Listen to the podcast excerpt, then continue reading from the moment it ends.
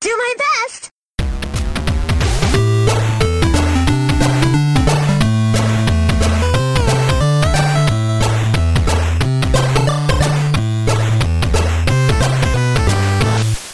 Welkom bij Buttonbashers aflevering nummer 78. Hidden Gems nummer 4 wordt dit voor ons, eh, jongens, in de 4,5 jaar nu. Niels, jij bent altijd van de statistieken en hoeveel uren en dat soort dingen. Doe het nu 4,5 jaar, hè? Ja, klopt. We zijn in 2013 begonnen. Volgens mij in maart of april. Ja, zoiets, hè?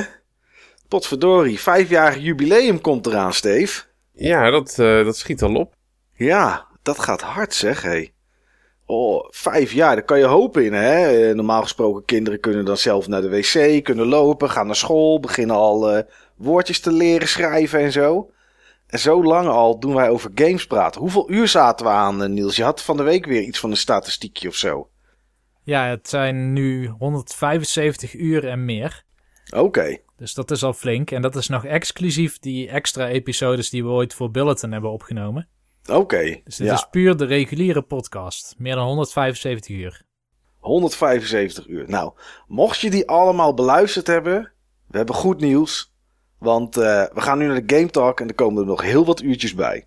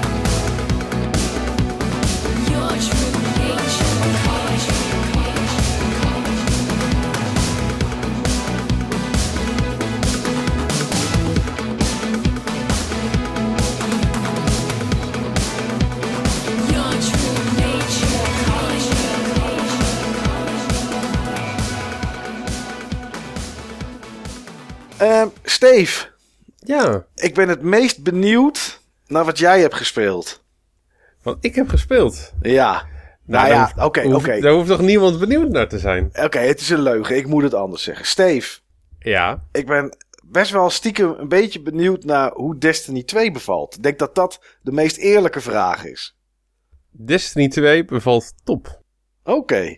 Bevalt top. Ja, in eerste instantie moest ik eventjes aan wennen, moest hij even klikken. Ik zat dan ook even wat minder in mijn vel, precies, eh, precies die week. Maar ik moet zeggen, ehm, nu ik ook verder ben, ja, het is echt, het is echt weer een goede game. Het is, eh, hij is aanzienlijk beter dan de eerste Destiny in zijn originele staat. Oké. Oké. Het, is, het is dus geen Destiny 1.5. Of stiekem toch wel. Stiekem toch wel. Oké. Nou ja, ik ben benieuwd. Wat is er dan Nou, goed aan? ik, oh. ik, ik vind het geen Destiny 1.5, het is Destiny 1.8. oh, zo. Dichter bij de 2 dan bij de 1.5. Dichter dan bij, bij de 2 dan de 1 pu- dan de 1.5. Maar ik vind het in veel opzichten geen Destiny 2. Hmm. Je zou het zeggen... af- Eigenlijk, eigenlijk is... er- Nee, ik, sorry, ik moet mezelf corrigeren. De vorige Destiny was Destiny 0.5 en dit is Destiny 1.2. Oh, oké. We gaan nog Ja, om het terug. nog ingewikkelder te maken. Ja. Nee, eh, de eerste Destiny, zeker bij in de staat dat die ehm, gelanceerd werd, voelde in sommige opzichten niet echt af. Die had gewoon aardig wat dingetjes. Destiny 2 heeft geen dingetjes. Destiny 2 voelt als een, eh, als een goed doordacht product met veel meer respect voor je tijd en veel meer richting. Oké, dat, eh, dat, dat ene laatste vind ik vooral wel belangrijk. Respect Ja. voor je tijd. Ja, zeker, zeker. Ik, ehm, ehm, ik ben op dit moment ben ik ook zeg maar een groepje mensen aan het formeren om, ehm, om Destiny zeg maar mee, eh, mee te spelen. Ik noem het eventjes mijn Dirty Dozen. Mhm. Dus, maar ehm, een van die jongens die had zeg maar tegen mij gezegd van... joh, eh, ik wil het wel graag spelen, maar alleen als het leuk is... en als het zeg maar wat minder grindy is. Het is aanzienlijk minder grindy. Het is wel grindy, het is een loot grinding game. Kan nooit niet grindy zijn, maar het is, eh, het is, het is niet zeg maar eh, de oneerlijke tijdrovende ja, bende die Destiny 1 in eerste instantie was. Oké, Ab- dan, absoluut niet. dan denk ik wel gelijk, als dat niet zo heftig is in het eerste deel... ehm, ehm, gaan de mensen die dan gevoelig zijn voor dat soort games het wel langer spelen, zeg maar. Zit er wel meer vlees op het bot. Dat is ook mijn zorg. Maar dat zal, ehm, ja, dat zal moeten komen gewoon zeg maar door continue releases. Ja, Ik, ehm, ik heb het gevoel dat er ook echt wel een serieus release schema achter gaat, eh, gaat zitten. ik heb van week eh, een plaatje gezien met allerlei dingen die de komende twee, drie weken, zeg maar, eh gereleased worden. Dan is er weer dit en dan is er weer dat. Dat was best wel wat, moet ik zeggen. Ja, joh, daarmee kunnen ze het sowieso goed rekken tot de eerste DLC. Ja, Dus ehm, ik maak me, ik maak me tot, tot februari, maart, maak ik me eigenlijk weinig zorgen. En ik ga ervan uit van dat de, dat de tweede DLC dan ook wel, eh, zeg maar, eh, snel gereleased gaat worden. Dus de eerste DLC van Destiny en de tweede DLC zat een gat, dat best wel een groot gat. ja. En eh, dat heeft de community toen geen goed gedaan. De tweede DLC was überhaupt wat minder. Dat verwacht ik nu ab- absoluut niet. Zeker niet ook op basis van, van wat mijn ervaringen zijn. Ik ga gewoon eventjes wat dingen roepen. Ja. Om te beginnen, eh, het ziet er gewoon echt veel beter uit dan de eerste Destiny. Echt veel beter. Ehm, betere belichting, meer sfeer, complexere werelden, complexere levels. Echt eh, sommige dingen die, eh, die visueel best wel spectaculair zijn. Ehm, het ziet er gewoon echt goed uit. Ehm, ja, veel meer als een, als een PlayStation 4 game. Veel meer als een next-gen game. Je merkt toch dat bij de eerste Destiny... eh, die gemaakt was voor een gedeeld platform. Ja, dat ze rekening moesten houden met PS3 en Xbox 360. Ja, Ja. Ehm, ik merk wel dat de framerate niet zo stabiel is als de eerste Destiny. Oeh. Die flatline eer echt gewoon 30 frames per seconde. Eh, tot, de laatste, die, eh, tot de laatste DLC. Die had toch wel echt significante frame drops, frame drops in de rate. Ehm, deze Destiny heeft soms een klein dipje. Als er veel gebeurt. Hmm. En als ik kijk wat er nou allemaal gebeurt en hoeveel variabelen er zijn, heb ik zoiets van, ah, oké, ja, oké. Can, live with, eh, can live with that, maar eh, een beetje jammer. En is dat ook in multiplayer dingen, Steve? Dat, dat Nee. iedereen is alleen story-wise of niet? Ja, laat ik zo zeggen, is niet in PvP. Oké, Maar gelukkig maar. PvP is gewoon een stuk geconcentreerder. Dat zijn gewoon eh, vrij kleine levels. Ja, PvP is veel eh, controleerbaarder dan, eh, dan, dan de multiplayer PvE experience. Waar gewoon echt heel veel kan gebeuren. ja. op een gegeven moment ehm, zaten er twee public events echt gewoon naast elkaar.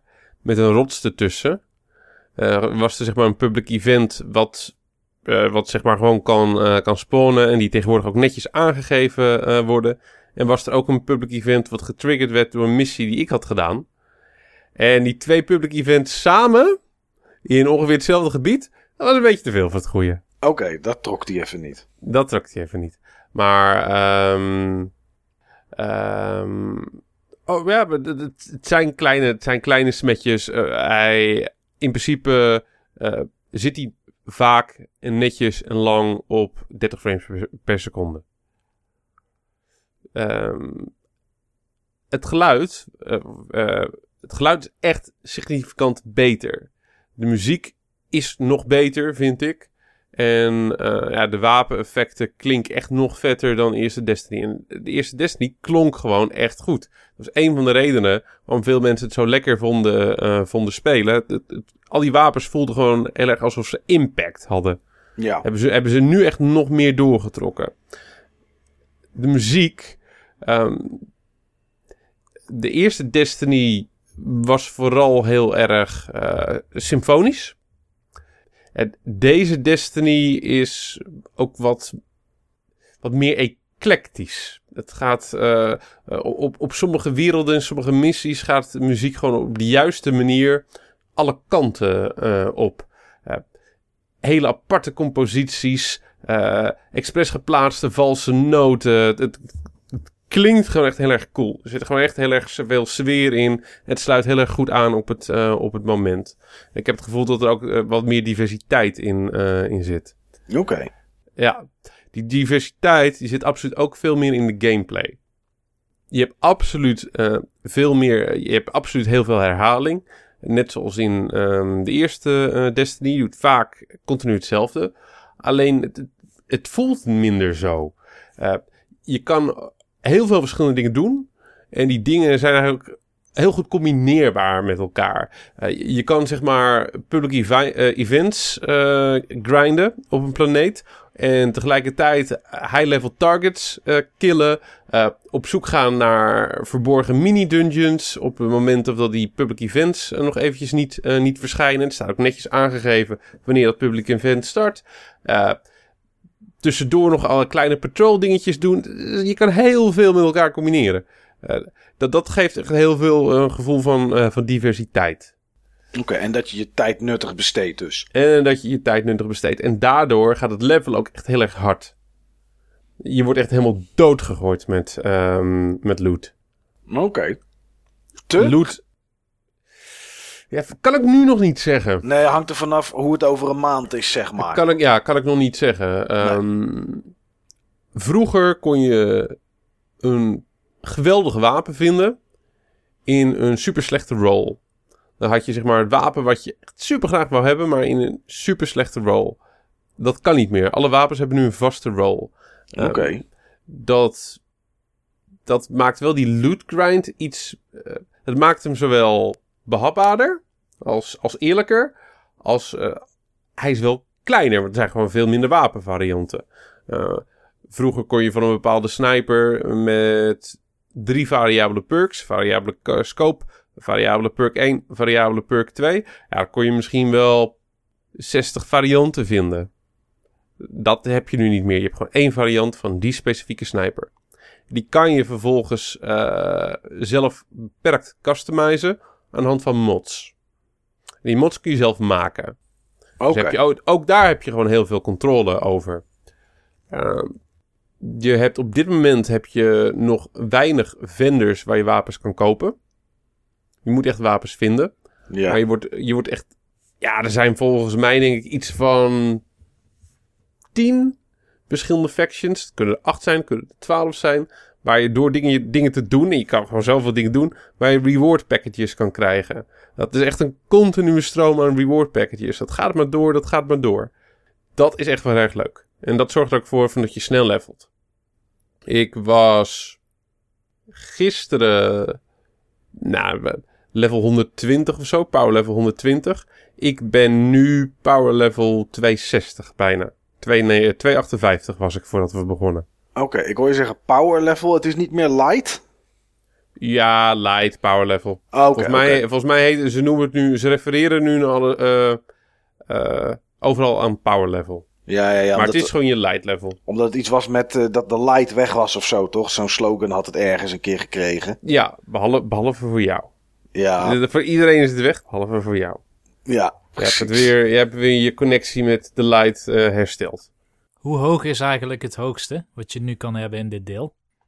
300 of 305, dat weet ik niet helemaal zeker. Oké.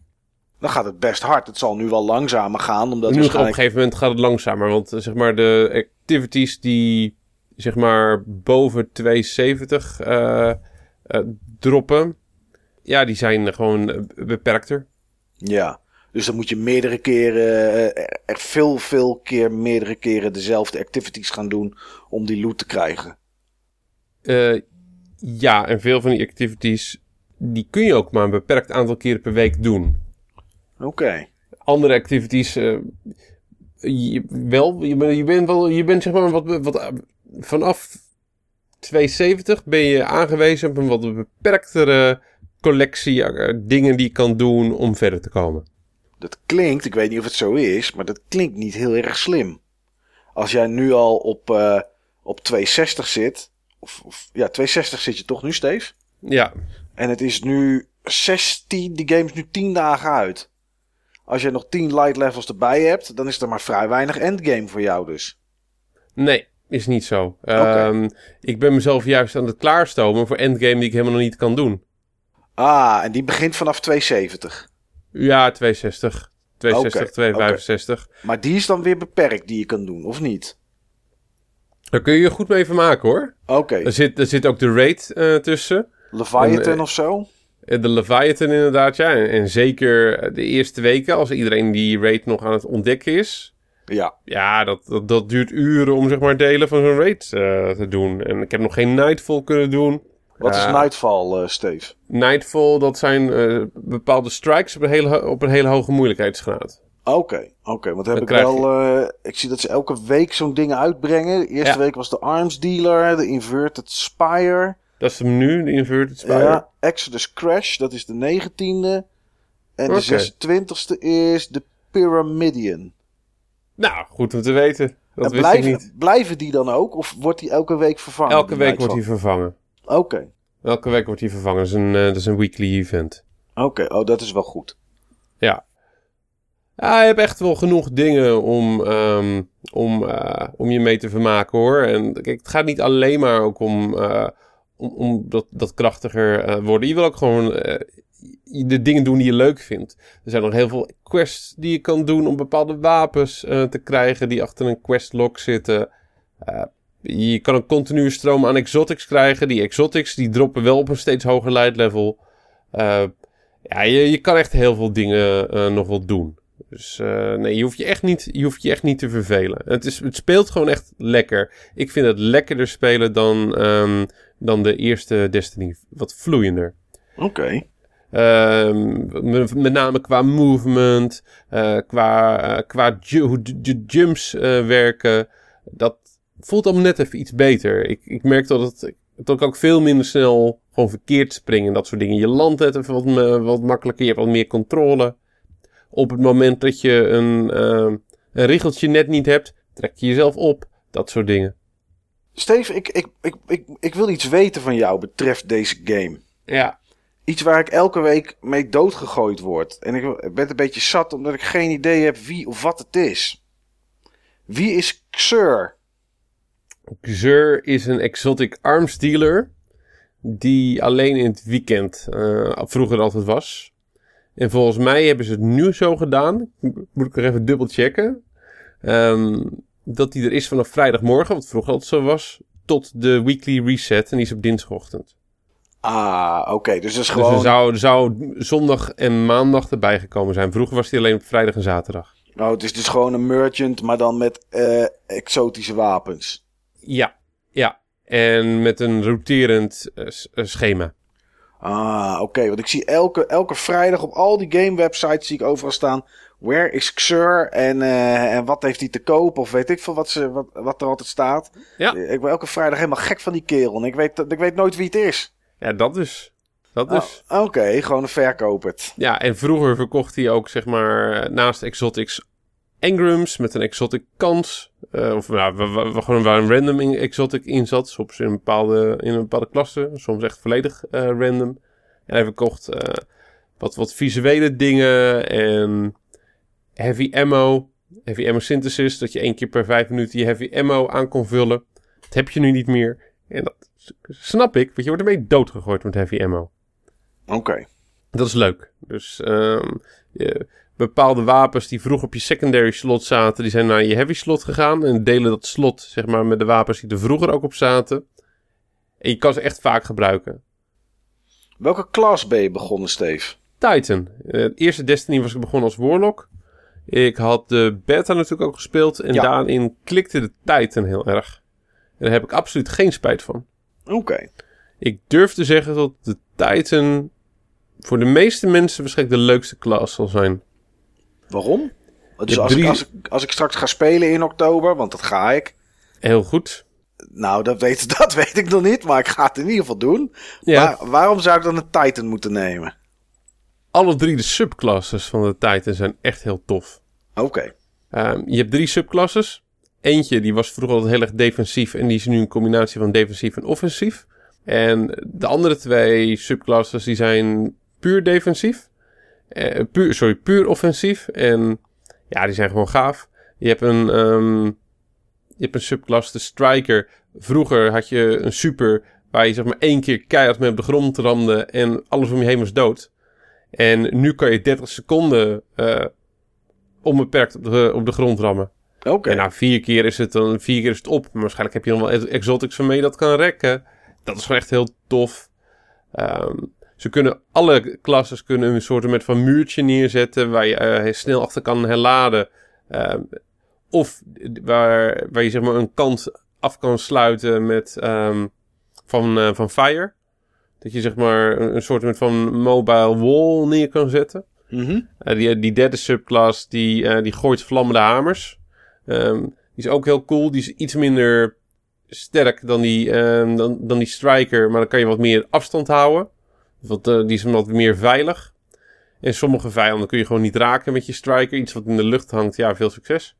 Ja, het is echt, eh, ik vind het echt een mooie klas. Maar ik, ik wil alle drie de klasses graag, eh, graag spelen. Ik heb, voorlopig heb ik nog zat te doen, zat te unlocken, zat vrij te spelen. Want het is Titan, Warlock en die andere is Hunter of zo? Hunter. Hunter, ja. Oh ja, die heb ik Ja. gespeeld in de beta op PC. Ja, ook tof. Afhankelijk van de, ehm, de subclass die, die je speelt. En het, soort, en het type activiteit. Ja, precies, precies. Ik speelde altijd graag Hunter in PvP. Oké. Dat heb ik wel gedaan in de beta op PC, maar ik speelde liever helemaal niet PvP. Want ik kreeg toch wel redelijk wat klappen, moet ik zeggen. Ja, dat snap ik. Maar dan moet je gewoon even, even de mechanics doorkrijgen. Even Ja. de levels. Ja, dat is ook zo. Ik vergat elke keer die super of zo eh, wat te gebruiken. Dus ja.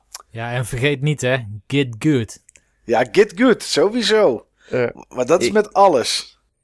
er zijn nog een paar dingen die ik wil, eh, wil uitlichten. Nou, PvP ben- is daar niet één van, want daar heb ik nog te weinig van gespeeld. Wat ik ervan gespeeld heb, dat beviel me. De levels zijn tof.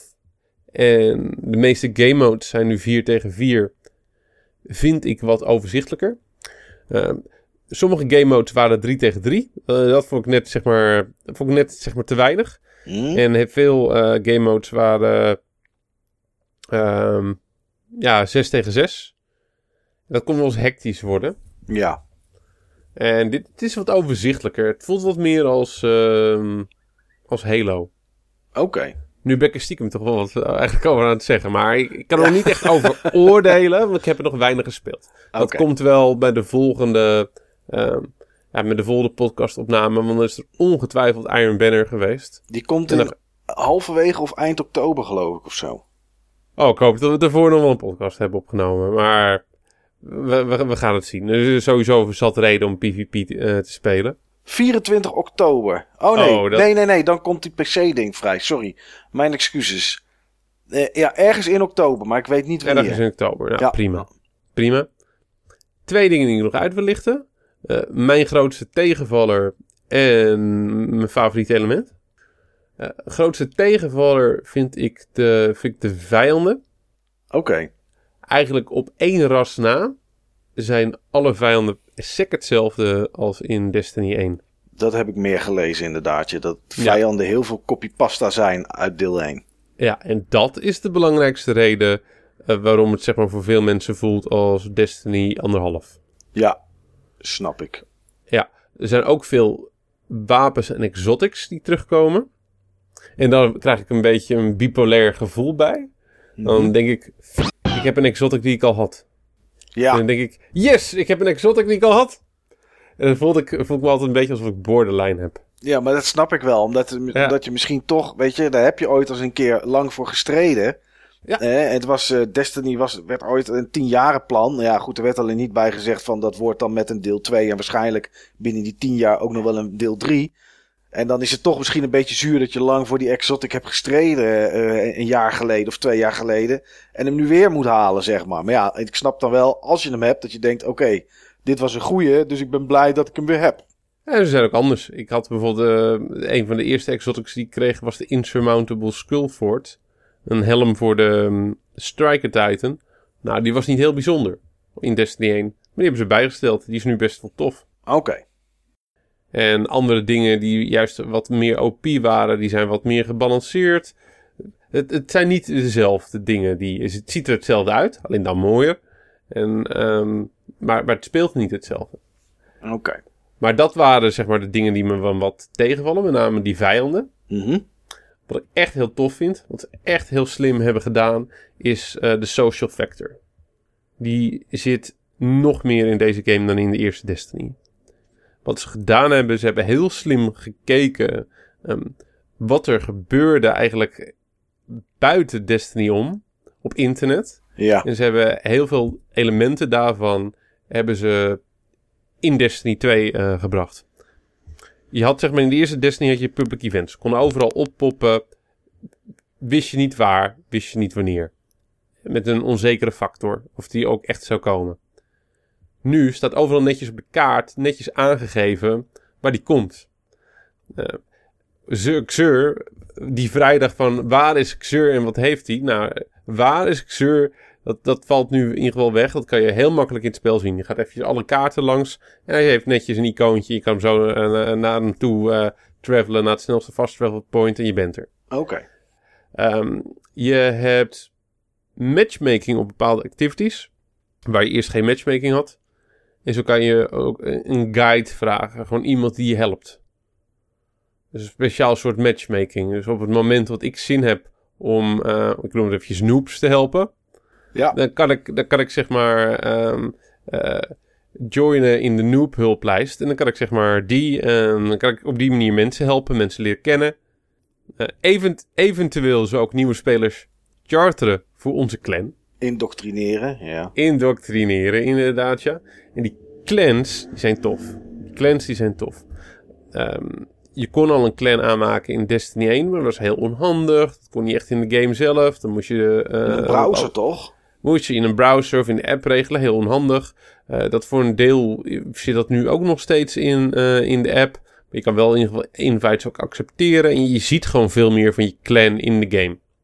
Daarnaast spaar je elke week met je clan voor rewards. Je, je speelt eh, activiteiten, die leveren je clan rep op. Daarmee level je je clan. Eh, dat geeft rewards en dat geeft extra perks, waardoor je een hogere dropkans krijgt op bepaalde dingen en heel veel andere voordelen. En als er bepaalde vinkjes gezet worden per week, onafhankelijk of je die wel of niet zet, ehm, dan krijg je rewards. Ik kreeg, zeg maar, pak een beetje twee uur geleden, kreeg ik een Crucible reward, omdat eh, we met de clan zoveel Crucible hebben gespeeld. Ik heb vijf potjes Crucible gespeeld. Mijn Crucible was zes. de PvP, toch? Ja, ja. Die kwam niet van mij, die reward. Oké. Dus eh, dat, dat is wel leuk. En zo zijn er gewoon meer dingen. Ook gewoon zeg maar als, als een team van alleen maar clan members de, ehm, de raid uitspeelt. Dan krijgen alle clanleden krijgen iets. Oké. Oh, dat is wel tof gedaan. Dat is wel leuk gedaan. En eh, ja, we hebben inmiddels ook gewoon een toffe clan eh, opgebouwd. Onder andere met mensen van het, van het forum. Ehm Holomeus, Jokujur, eh Nosgotti. Eh, ja, het, eh, gewoon allemaal me- mensen die ik zeg maar ook, waar ik ook de eerste Destiny mee heb gespeeld. Ergens in de jaren dat ik dat heb gespeeld. Maar nu dan zeg maar allemaal bij elkaar in, in deze fase. Dus we hebben volgens mij inmiddels bijna 15 leden. En ik zie ik nog wel verder stijgen. Ja, dat, dat is leuk. Oké, dat is wel netjes. Ja. Dus dat zal voor mij de drijvende factor zijn om dit voorlopig nog wel te blijven spelen. Maar ik ga niet meer de bizarre hoeveelheid uren erin stoppen als de eerste Destiny. Nee, oké. Op dit moment. Ja, misschien uitgesmeerd over een langere periode, maar niet zeg maar met dezelfde pieken. Daar heb ik echt geen zin in. Nee, niet, niet, oké. Niet, niet zo heftig als dat eh, destijds was, zeg maar. Nee. Nee. nee. Maar goed, het bevalt in ieder geval, Steve. Dat is, eh, dat is, al, dat is al heel wat, toch? Ik bedoel, het, Het had, ook, bevalt uitstekend. het had ook vies tegen kunnen vallen natuurlijk. Ja, dat doet het zeker niet. Het is een... Ik kan hem makkelijker aan iedereen aanbevelen dan de eerste Destiny. Oké. Nou, ik ben benieuwd. Ik ben benieuwd over de komende maanden of het leuk blijft of niet. Ik hoor een aantal dingen dat ik denk, nou, dat is wel cool. Maar ook dat, hè, waar we het over hadden met, ja, als, die, als er maar één versie van elk wapen is, is dan die grind, zeg maar, die het voor veel mensen misschien leuk maakt, of in ieder geval aantrekkelijk om te spelen, blijft dat. Maar ja, goed, dat weten we toch pas over een paar maanden. Ik denk dat ze daar wel rekening mee hebben gehouden hoor. Ik denk dat ze wel een- in de hoge hoed tot een aantal dingen zitten om dat mee op te vangen. Die nog niet in het spel zitten. Nee, nee, en als ze natuurlijk die, die wekelijkse activiteiten elke keer zo blijven doen. En de Faction Rally komt eraan, Steve. Geen idee wat het is, maar het ik begint. ook niet. Dat, eh, ik- de, de factions komen dan weer terug. Eh, ja, ze hadden zeg maar voor de eerste Destiny een idee dat heette Faction Wars. Dat hebben ze nooit helemaal uitgevoerd. Oké.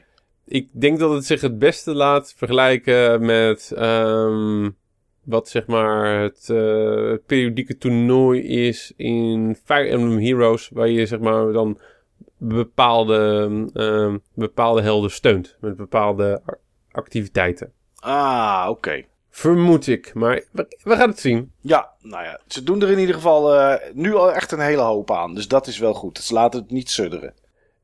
En ik hoop stiekem tot, eh, tot Destiny 2 de kant op gaat van de andere game waar ik het over wou hebben. Oh jee. En eh, eh, daar, ehm, ja, daar hoef ik het niet al te lang over te hebben alleen. Want het is een mooi bruggetje naar, ehm, naar Niels ook. Dat is Fire Emblem Heroes. En we hebben, we hebben het al zo vaak over Fire Emblem Heroes eh, gehad. En, en dat ik eigenlijk zoiets had van, joh, daar moeten we eens mee nokken, want we hebben alles verteld. Maar we hebben niet alles verteld. Want ze blijven maar komen met nieuwe dingen. Het, inmiddels is, ben ik op het punt, dat ik zeg, het is gewoon echt bizar. Het is echt gewoon bizar wat ze gewoon elke keer weer eh, verzinnen om die game een update te geven en volwassener te maken en completer te maken. Ik vind het echt heel erg tof. Ik vind het echt een game die, eh, een mobile game die eigenlijk wat je gewend bent van het mobile platform ver overstijgt. Zeer goed. Nou. Ben, je daarmee, ben je daarmee eens, Niels? Ik ben het daarmee eens, absoluut.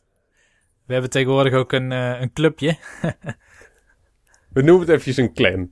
een clan. We hebben tegenwoordig een clan. Alleen is hij niet zo groot. Het is, eh, het is eh, Niels, ik en Niels zijn neef. Oké. En het is een clan in, in, in Fire Emblem. WhatsApp. Oh, gewoon een WhatsApp groep. Ja. Ah, dat is we, toch geen... dat gewoon een, we noemen dat gewoon een clan. Oké, ja, ja, hey, eh, ik zit in heel veel clans. Soms zit ik in een, eh, in een clan omdat de kinderen van, eh, van maten van me ja, ja, jarig zijn. Dan zit ik eventjes in een clan. En zie mensen al, altijd heel snel weer die clan uit, uitgaan. Omdat ze geen zin hebben om in die clan te zitten. Nee, dat vind ik ook. als daar toch ooit eens een keer iets voor komt, een update voor WhatsApp, dat je gewoon kan blokken, dat je zomaar in groepen wordt gedumpt. Dat zou echt heerlijk zijn. Ja, gewoon geen vrienden hebben. Ja, dat kan ook. Of gewoon iedereen blokken. Iedereen Maar- blokken. De mensen die mij in groepen gooien zijn niet altijd vrienden namelijk. en dan, dan, dan word ik er alsnog ingegooid. En dan moet ik in ook in één keer met 600 anderen praten over een kinderverjaardag. En dan eh, ben ik ook inderdaad altijd snel weg. Wegwezen. Maar goed. Maar wij hebben het in ieder geval over Fire Emblem Heroes. En dat is maar goed ook, want oh, eh, er was zeg maar een, eigenlijk een groot maandele, een, een maandlang event. En eigenlijk is het nog steeds in de gang. Laat zitten in de laatste dagen. Om te vieren dat Fire Emblem Heroes zes maanden bestond. Zo. En we hebben echt enorm veel gekregen. Dat klinkt een beetje als er is altijd wel een reden voor taart.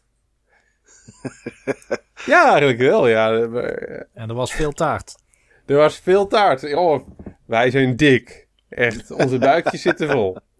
Onze buikjes zitten vol. De buikjes, de, de buikjes van, van Intelligent Systems ook. Maar Ja. het was het... ja, het was zeg maar taart. Het was taart die smaakte naar meer. Maar dat kom ik zo meteen nog wel op. Nou ja, brand maar los dan, Steven. Ik zou niet eens, ik zou niet weten wat ik moet vragen. Ik heb geen idee met deze Ja, game. ze, ze hebben we allemaal, zeg maar, eh, nieuwe, nieuwe mechanics geïntroduceerd. Waaronder supports. Dat je karakters kan trainen samen. Door ze samen dingen te laten doen. En dat ze dan sterker worden als duo. Op het moment dat ze bij elkaar in de buurt zijn. Eigenlijk wat Fire Emblem eh, al, eh, al had, al hele lange tijd. Wat steeds volwassener is geworden. Je kan nu ook een favoriet karakter eigenlijk kiezen. Eh, de zogenaamde Summoner Support. Daarbij bouw je zeg maar als speler die band op. En dat, dat telt eens extra op. Ze hadden hele goede summoning events. Eigenlijk bijna oneerlijk wat ze hebben gedaan. Of oneerlijk, te eerlijk wat ze hebben gedaan. Ze gaven top tier characters gewoon gratis weg. Oh.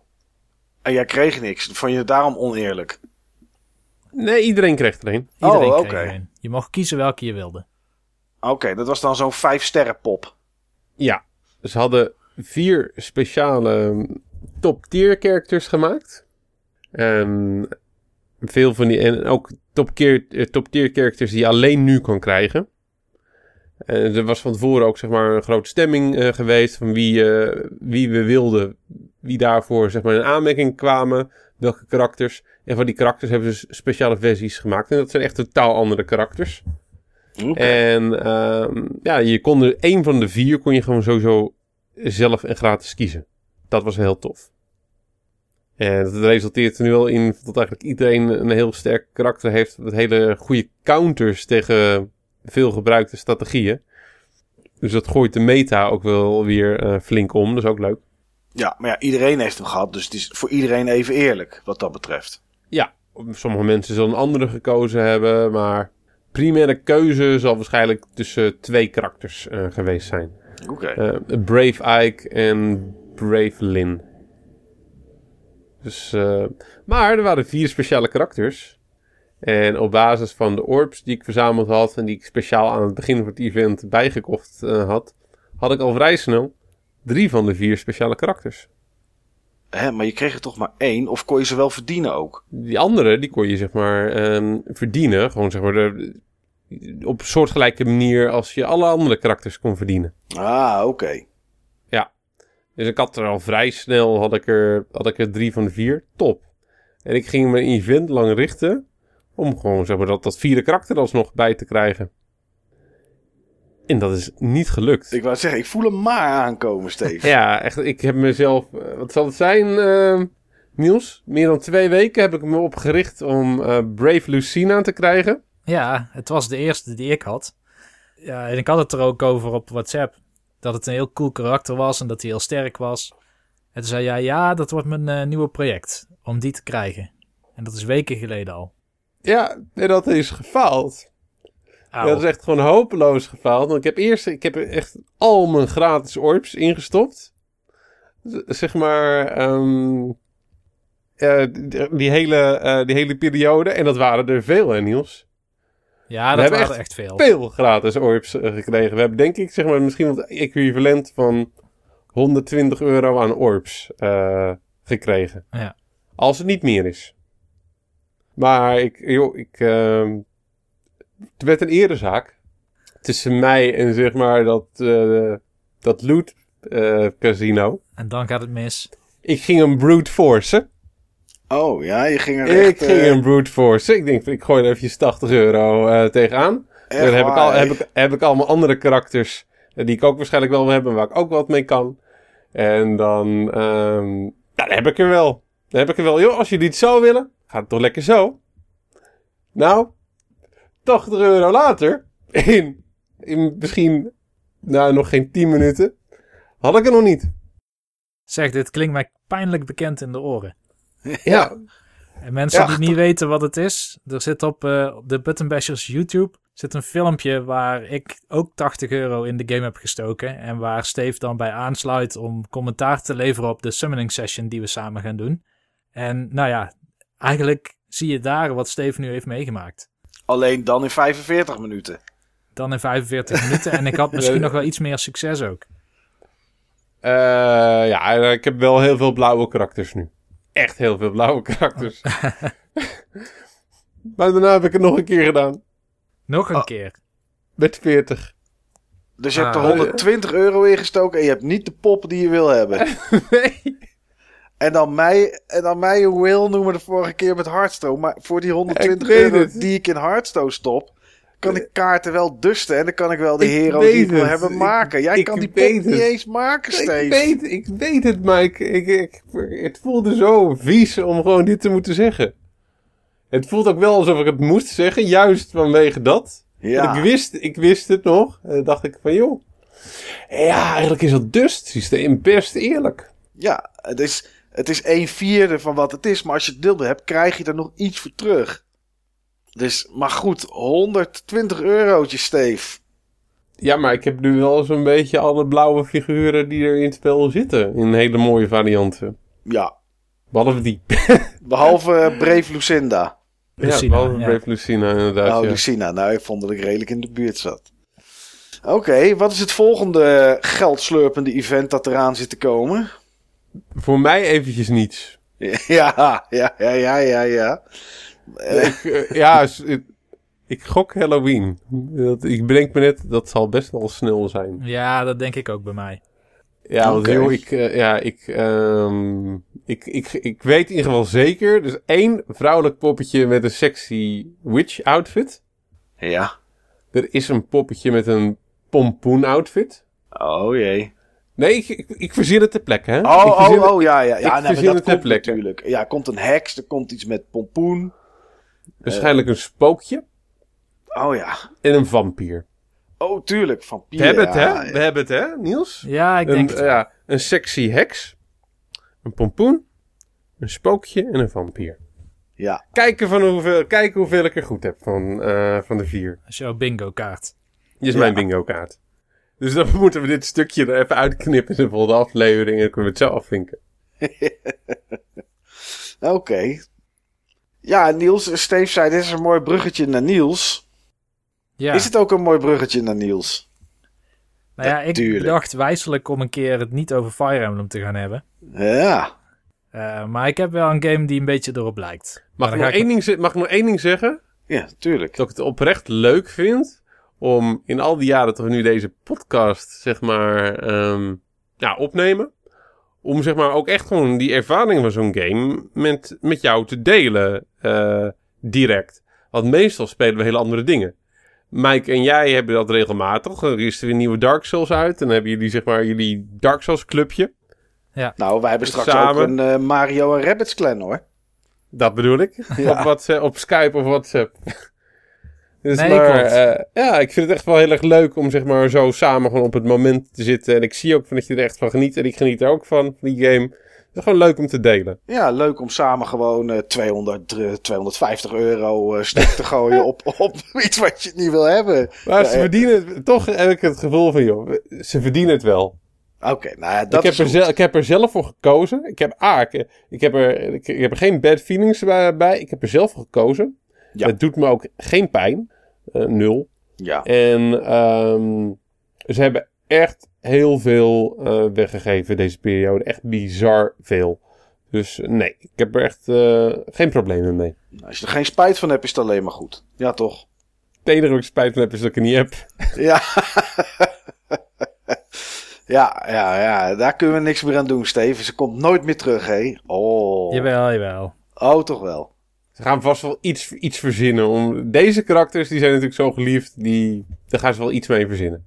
Volgens mij Dat stond dat sowieso in de description dat ze in de normale pools komen.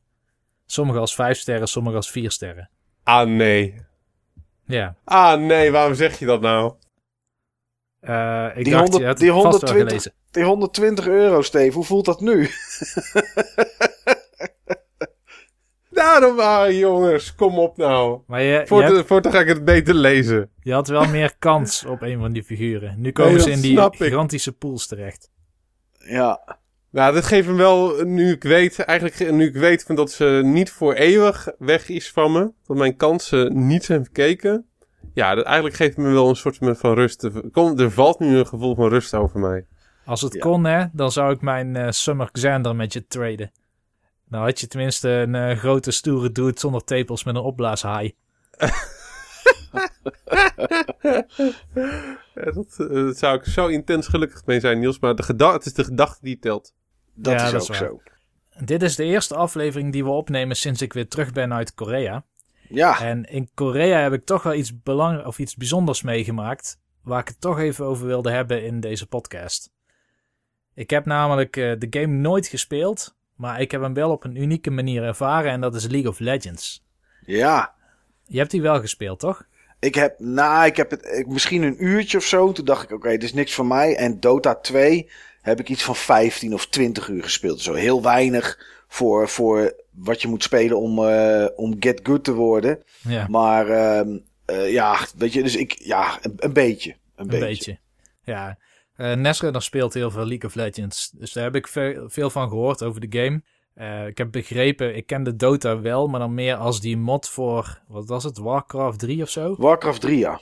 Ja, daar heb ik het een keer studenten mee zien spelen, maar sindsdien is het eigenlijk niet meer op mijn netvlies geweest.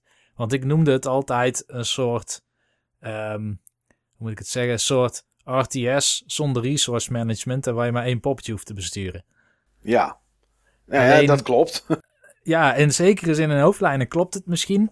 Maar ik ben er toch wel een beetje van teruggekomen. Want ehm, ik heb in Zuid-Korea een eh, e-stadium bezocht van OGN. Dat is een van de nieuwszenders daar. Een van de, de televisiekanalen. Ehm, OGN heeft in ieder geval één, maar misschien wel meerdere grote e-stadiums gebouwd. Die echt specifiek alleen maar voor e-sport zijn. Bizar. Ja. En veel van die events die je ziet van League of Legends of StarCraft of Heroes of the Storm of Dota, die worden in dat stadium opgenomen. Die je op Twitch kan zien. Oké. Ehm, en het is niet de eerste keer dat ik er ben geweest. Ik ben er wel wel eens eerder geweest. Maar deze keer zouden we rondleiding krijgen van een van de producers daar. Ik was er met een aantal studenten en eh, twee collega's van mij. En ehm, we mochten voordat een wedstrijd zou beginnen alvast langskomen. Nou, die wedstrijd zou eigenlijk in eerste instantie Overwatch zijn. Alleen op het laatste moment vroeg die producer of dat we het om konden zetten ehm, naar eh, League of Legends. En ik wist niet waarom. En het maakte mij ook niet uit, want ik volg Overwatch niet. Ik volg League of Legends niet. Maar ja, als dat beter zou zijn voor de rondleiding, ik dacht, waarom niet? Ja. Het was het LCK Spring al iets toernooi. En het zei mij ook weer niks. Eh, Toen Nee. ik het aan Nesrunner vertelde, die er iets meer van weet, toen zei hij, ja, maar dat is zeg maar de Major League in League of Legends. Ja. Ik dacht, nou, niet verkeerd geregeld. En hij zei bovendien dat het pas echt grappig zou zijn als ook SKT versus KT of zo zou gaan spelen. Dat zouden dan twee van de beste teams ter wereld zijn. Maar goed, Oké. daar kom ik nog op terug. Beetje Manchester United tegen eh, Real Madrid. Juist, die teams.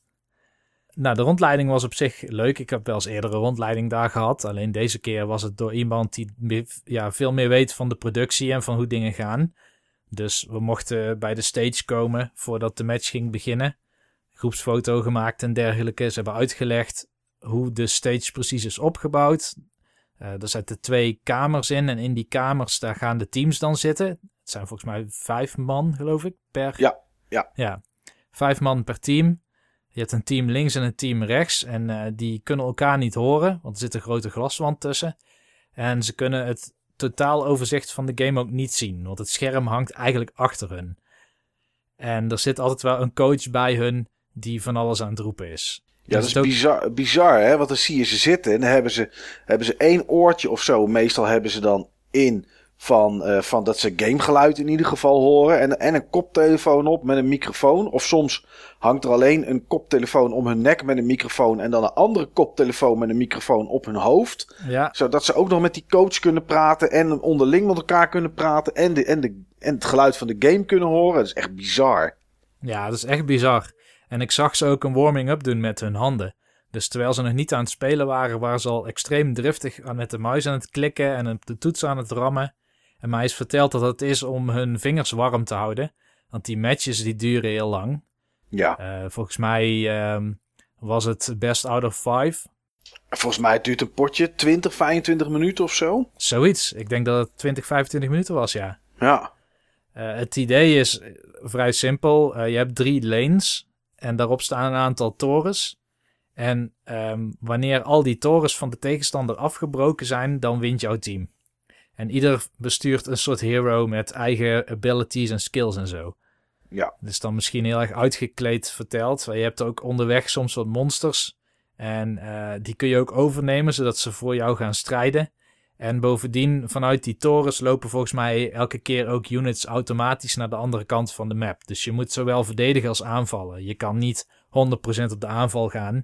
Want dan kan het zijn dat die automatische units ondertussen jouw basis aflopen te breken. Ja, ja, wat ik er heel vreemd aan vond toen ik Dota ging spelen, was dat het niet de bedoeling is dat eh, je begint elke keer als level 1 poppetje en je levelt dan op door het spel heen. Maar het is gewoon eigenlijk een soort van code en not done als je als level 2 of 3 al een tegenstander gaat aanvallen, zeg maar, van de, eh, de personen, zeg maar. Niet die, niet die, die, die eh, lane mobs, dus die, die beestjes die door die lanes heen lopen, die moet je slachten om een beetje te levelen. Maar je valt eigenlijk nog nooit echt een andere speler aan. Dat is pas vanaf level, weet ik veel, level 7, 8 of 9 of zo. En dan zie je dus ook bij zo'n match, zie je een tegenstander en, en van alle, alle twee teams zie je een beetje bij elkaar staan. En dan doen ze elkaar niet aanvallen, maar wel die, die kleine mobs die rondlopen om te levelen. Ja, En, klopt, ja. dat, eh, heel vreemd is dat. Ik vind het begin ook best wel saai om te zien. Want soms dan zijn ze aan het wachten tot bepaalde dingen gaan spawnen. En dan gebeurt er gewoon helemaal niks. Nee, en dan levelen zodat ze wat skills erbij krijgen. En dan pas vanaf ja, leveltje 8, 9 of 10 of zo, weet ik veel wat. Dan gaat het een beetje los, zeg maar. Ja. Maar naast de spelers zelf en die coaches heb je ook nog eens twee sets commentators. Of commenters. Dus je hebt één set die eh, doet alles in het Koreaans. En mij is verteld door die producer dat die dus in Korea uitzenden, maar ook in China. En eh, de andere set is Amerikaans. En dat is eigenlijk de, ja, de crew, zeg maar, die je ook ziet als je op Twitch gaat volgen. Ja. Ja, het zijn altijd druk bezochte streams, man. Als je zo'n groot toernooi hebt, dan, dan kijkt er soms gewoon een half miljoen mensen naar op Twitch. eh, op één kanaal, zeg maar. Ja, maar het is ook een behoorlijke productie. Want ik ben ook bij SBS en bij RTL geweest. Ja. En dat is helemaal niks vergeleken met de productiekracht die achter zo'n eh, zo'n zo'n League of Legends stream zit. Nee, bizar, hè? Ik ben in die control room geweest. Er hingen misschien wel 60 televisies. En Ja. allemaal mensen aan het wijzen en, en, en, en knoppen aan het drukken om die livestream, zeg maar. Want er worden allerlei 3D-beelden geprojecteerd in het stadion. Dat zie je natuurlijk niet als je in het stadion zit, maar eh, op de livestream zie je het wel. En in het stadion zie je ook wat er wordt uitgezonden naar buiten toe. Maar eh, er wordt zoveel met special effects gedaan en zo. Dat is echt bijzonder. En er, heel veel camera's zitten in het stadion. Soms vliegen de camera's over je heen.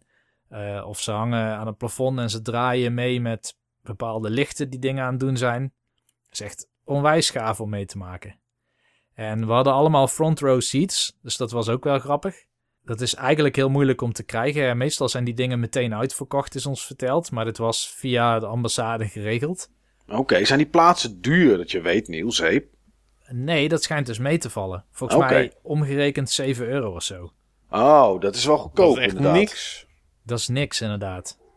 Daar hoef je geen melding van te maken, denk ik, qua, ehm, qua beleid wat jullie willen niet aan mogen nemen qua geschenkswaarde. Precies. ja. ja, klopt. Scherp. Eh, maar we hadden heel veel geluk met de match die er was, die er speelde. Het was namelijk precies die matchup waarvan al van tevoren was verteld van ja, als die het is, maar dan op zo'n lacherige manier van dat zal wel niet, dan heb je geluk. Maar het was dus inderdaad SKT of SK Telecom T1 eh, tegen KT Rolster. En als je die personen die in die teams zitten, een daarvan heet bijvoorbeeld Faker, als je die opzoekt op Google, dan worden ze genoemd in de top 10 beste League of Legends spelers. Ik ken het spel dus niet, maar het voegt wel iets toe om het spel beter te leren kennen. En ik probeerde het in die paar uur dat ik er zat. En ik had mijn koffer bij me, want ik moest meteen weer op doorreis naar de vluchthaven daarna. Dus ik heb ook de laatste match helaas niet kunnen zien. Volgens mij werd het 3-2 uiteindelijk voor SKT. Maar ik heb ondertussen wel heel, helemaal geleerd hoe het spel werkt. En eh, iets wat heel bijzonder is om mee te maken, is zo'n stadion dat dan helemaal vol zit met mensen. Met vooral tieners of misschien net in de twintig. Dat is voor 80% vrouw. Ja, dat vroeg ik aan jou op onze, tegenwoordig heet het een clan, heb ik begrepen. Ja, onze clan. Onze, onze Bettenbashers clan. Eh, toen zei ik van, toen had jij een filmpje gemaakt van het publiek. En toen zei ik, wat hoor ik een hoop meisjes schillen. Maar dat was echt zoveel meisjes daar. Ja, echt heel veel. Maar volgens mij zie je het ook op Twitch als je dan kijkt. Want je hebt ook heel veel meisjes die hebben tekeningen gemaakt. En die houden ze dan omhoog en dan gaat de camera dan op. En op het moment dat ze in beeld zijn, dan duiken ze erachter. Ja, Eh, maar dat zijn vaak tekeningen waarin ze een paar van die spelers hebben nagetekend. En ik weet niet precies waarom het zo populair is onder meisjes. Maar ik kan me voorstellen dat het een soort idol-cultuur iets is. ja dat moet haast wel. Wat, Joh, heel simpel. Ik weet niet veel van meisjes. Maar meisjes moeten iets hebben om over te gillen. Ja, Altijd zo geweest, dat is genetisch bepaald. mag ook een uitverkoop zijn of een achtbaan. Maar gillen, dat hoort er een beetje bij inderdaad. Maar ja, het klinkt een beetje, Niels, alsof die e-sporters daar... hè, Zo'n zo'n zo'n team van vijf, de, de New Kids on the Block zijn van de jaren 2017. Ja, ik denk het. Gewoon boyband-achtige perikelen. Ja, dat is wel hoe het overkomt. Ja, Maar goed, ik zat dus helemaal vooraan en dan, eh, dan zit je in zo'n groot stadion, zo'n enorm groot eh, scherm voor je. Al die lichten en camera's over je heen. Het is wel echt een belevenis. Als je ooit in Zuid-Korea komt, dan moet je absoluut naartoe. ja, dat is wel bijzonder om mee te maken. Iets anders wat misschien wel bijzonder is om mee te maken, maar dat laat ik aan ieder voor zich, is een eh, demo die eh eergisteren uitkwam voor de Switch. Ja, daar en ben die ik benieuwd naar. Ja, Project Octopath Traveler van Square Enix. ja. Ik wil eens de demo zelf ook nog proberen. Omdat, eh, omdat ik heel erg benieuwd ben. Vooral omdat Switch exclusive is natuurlijk. Ja. Ehm, en ik heb wat trailers gezien. En, maar goed, ik, ik ben benieuwd, Niels. Hoe, hoe beviel dat? Ja, mij beviel die heel goed. Heel goed En, zelfs, eh, oké. Ik denk dat het ook wel een game zou zijn voor Steve. Het is namelijk Ja. van het Bravely Default team. Eh, en ze hebben natuurlijk geleerd van hun fouten. Bravely Default 2 Ga maakt niet meer de fouten van Bravely Default 1. En er zit weer zo'n zo'n gimmick zeg maar in die helemaal verwoven zit in het battlesysteem. Eh daar kom ik zo wel op. Maar de, de gimmick, er zijn eigenlijk meerdere gimmicks in eh, Project Octopath Traveler. Een van de gimmicks is de grafische stijl. Het is een soort 2D 16-bit esthetiek in 3D. Een soort eh, 3D dot game heroes. Maar dan met meer sfeer en meer grafische effecten. Ja, ze noemen het zelf eh, 2D HD of zo, hè? Ja, Dat, is, dat is de term die ze eraan hangen, inderdaad. ja, en het is gemaakt in Unreal 4. Tenminste, dat eh splash screen van Unreal 4 komt voordat je de game opstart. Eh, en dat is ook wel te zien. Er zitten echt heel veel grafische effecten overheen. Depth of field, blur, eh, eh, van die dynamische lensflares over de scène heen. eh tone mapping. Het is wel echt heel erg mooi. Misschien wel iets te veel, eh, iets te veel gecorrigeerd. Op een gegeven moment dan, ja, als je kijkt als je een grote tv hebt of je kijkt naar je Switch-scherm, het gedeelte waar je echt duidelijk dingen op kan zien, is misschien de helft van je scherm maar in totaal. Want de rest is allemaal wazig of overbelicht of wat dan ook. Om die sfeer te bereiken. Oké. Maar eh, zowel op televisie als op de handheld ziet het er echt fantastisch uit. Oké, dat is pakt de sfeer echt. Die oude sfeer. Het is net alsof je weer terug bent ehm, in ja, je jeugdperiode. En dat je, weet ik veel, Final Fantasy 4,5 die nooit is gekomen. Dat je die dan uiteindelijk krijgt en dat je die kan gaan spelen. Die feel heeft het echt. En je kan eh, twee verschillende karakters spelen. Het idee van dat Octopath Traveler is dat je acht verschillende karakters hebt. En die acht verschillende karakters die zitten in één wereld weliswaar, maar je kan elk karakter als startpunt kiezen. En die hebben eigenlijk een ander verhaal, een ander perspectief op die wereld. En ehm, volgens mij werkt het een beetje zoals in Seiken Densetsu 3 of Secret of Mana 3. Dat is het deel wat nooit verschenen is hier, maar daarin heb je ook verschillende karakters die je kan kiezen. En begint het spel anders. Je hebt een soort proloog aan de hand van welk karakter je kiest. Ja, later komen ze geloof ik allemaal bij elkaar, toch? Dat is volgens mij het idee, toch? Dat denk ik wel. Ja. Eh, ik weet dat ze elkaar tegen gaan komen, want dat gebeurde ook al in de demo. Oké. Je kan kiezen tussen Olberic, en dat is een soort, ja, een soort ridder, een knight of zo. En eh, Primrose, en dat is een dancer. En ik heb alle twee de paden gespeeld. Het is goed te doen. eh, je doet er ongeveer eh, een uur en een kwartier per pad over. Voor de demo althans. Oké. Die Olberic, die begint in een soort klein dorpje. Olberic was ooit een ridder voor de koning. Maar een van zijn maten, zeg maar, die heeft hem erbij genaaid. Die heeft de koning vermoord. En ehm, hij is, zeg maar, in ballingschap gegaan. En heeft elke nacht nog nachtmerries over die tijd die hij daar had. En het verraad van die maat van hem. En hij zit nu dus in een ander dorpje waar hij mensen opleidt om met het zwaard om te gaan. En het dorp überhaupt beschermt. En dan komen er bandieten die dingen willen gaan stelen. Dat is eigenlijk het startpunt van zijn verhaallijn. En ehm, ja, met hem kun je onder andere dan een, eh, een grot in. En dan kom je in een woestijndorpje. En dat woestijndorpje is toevallig het startpunt van die danser weer. Ah, oké. Dus op die manier ontmoeten ze elkaar. Je kan ook echt met het poppetje praten. Ze staan dan als NPC in dat dorp. Maar het interessante van deze game is eigenlijk het battle systeem en de unieke vaardigheden die elk van die acht popjes hebben. Dus die knight, die kan iedereen uitdagen tot een duel. Of bijna iedereen. Oh ja, dat heb ik gezien in een trailer inderdaad, ja. Je kan zelfs ehm shop-owners, eh, wapenhandelaren, in-shop-owners of zo. Je kan ze allemaal uitdagen tot een duel. En dan krijg je gewoon een één op één gevecht. Tenminste, tot nu toe was het altijd één op één. En ehm, als je dat wint, krijg je er ook gewoon eh, experience points voor. Dus het is als een echt, echt gevecht. En ik heb in dat eerste dorpje zo'n beetje bijna iedereen en ook alle kinderen maar gewoon verslagen. Want XP, Omdat hè? het kan. Omdat het kan. En is het ben- alleen XP wat je krijgt, Nieuws? Of als je een shop-owner eh, wint, krijg je dan korting of zo op spullen die hij verkoopt? Zit er nog iets anders aan wat je daarmee kan bereiken? Je krijgt wel spullen, maar niet specifiek gelinkt aan dat karakter. Tot nu toe niet in ieder geval. Oké. De game komt ook pas ergens volgend jaar uit, dus misschien gaan ze nog een hoop aanpassen. Ja, maar nu is het nog 2018 gewoon ergens. een, ja, een één op één gevecht. Alsof je een niet-random battle hebt, omdat je die zelf instageert. Ja, Maar het mooie van het battle systeem is dat het iets doet met dat Brave Default systeem. Dus eh, je kan een attack doen, maar je kan ook een attack drie keer zo krachtig doen, maar dan moet je daarna wel een tijdje overslaan. ja. Een tijdje aan beurten, zullen we maar zeggen, of aan tijd. Ik denk dat je tijd inruilt. En ehm, de vijanden zijn allemaal zwak tegen een bepaalde aanval. Sommige tegen een zwaardaanval, andere tegen een speeraanval. Dus je gaat op zoek naar waar ze zwak tegen zijn. Dat is een beetje net als in Shin Megami Tensei. Ze laten ook zien... En in Pokémon inderdaad. En net zoals in Pokémon Sun and Moon en de Shin Megami Tensei serie... zie je ook, als je één keer iemands weakness hebt geraakt... vanaf dat moment altijd... oh ja, dit is die vijand die weak is tegen dit. Ja. Dus je hoeft het niet te onthouden. Nou, als je dus die zwakte hebt gevonden, daarmee kun je meer damage doen, een critical damage. En je bent op zoek naar een bepaald tipple point, zeg maar. Als je een bepaald aantal damage doet van het juiste type, dan ehm, ja, raken ze een soort van duizelig. Ik ben even vergeten welke term daaraan vastzit, maar het lijkt een beetje in Street Fighter alsof je iemand rake klappen uitdeelt en dat er van die sterretjes dan boven zijn hoofd gaan draaien. ja, dat iemand eventjes Heel cartoony. Heel cartoony.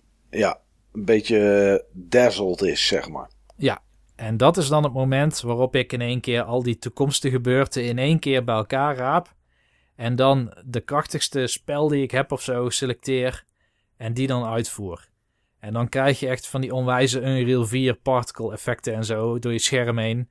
En lichtflitsen. Het is heel erg eh, flitsend gemaakt allemaal.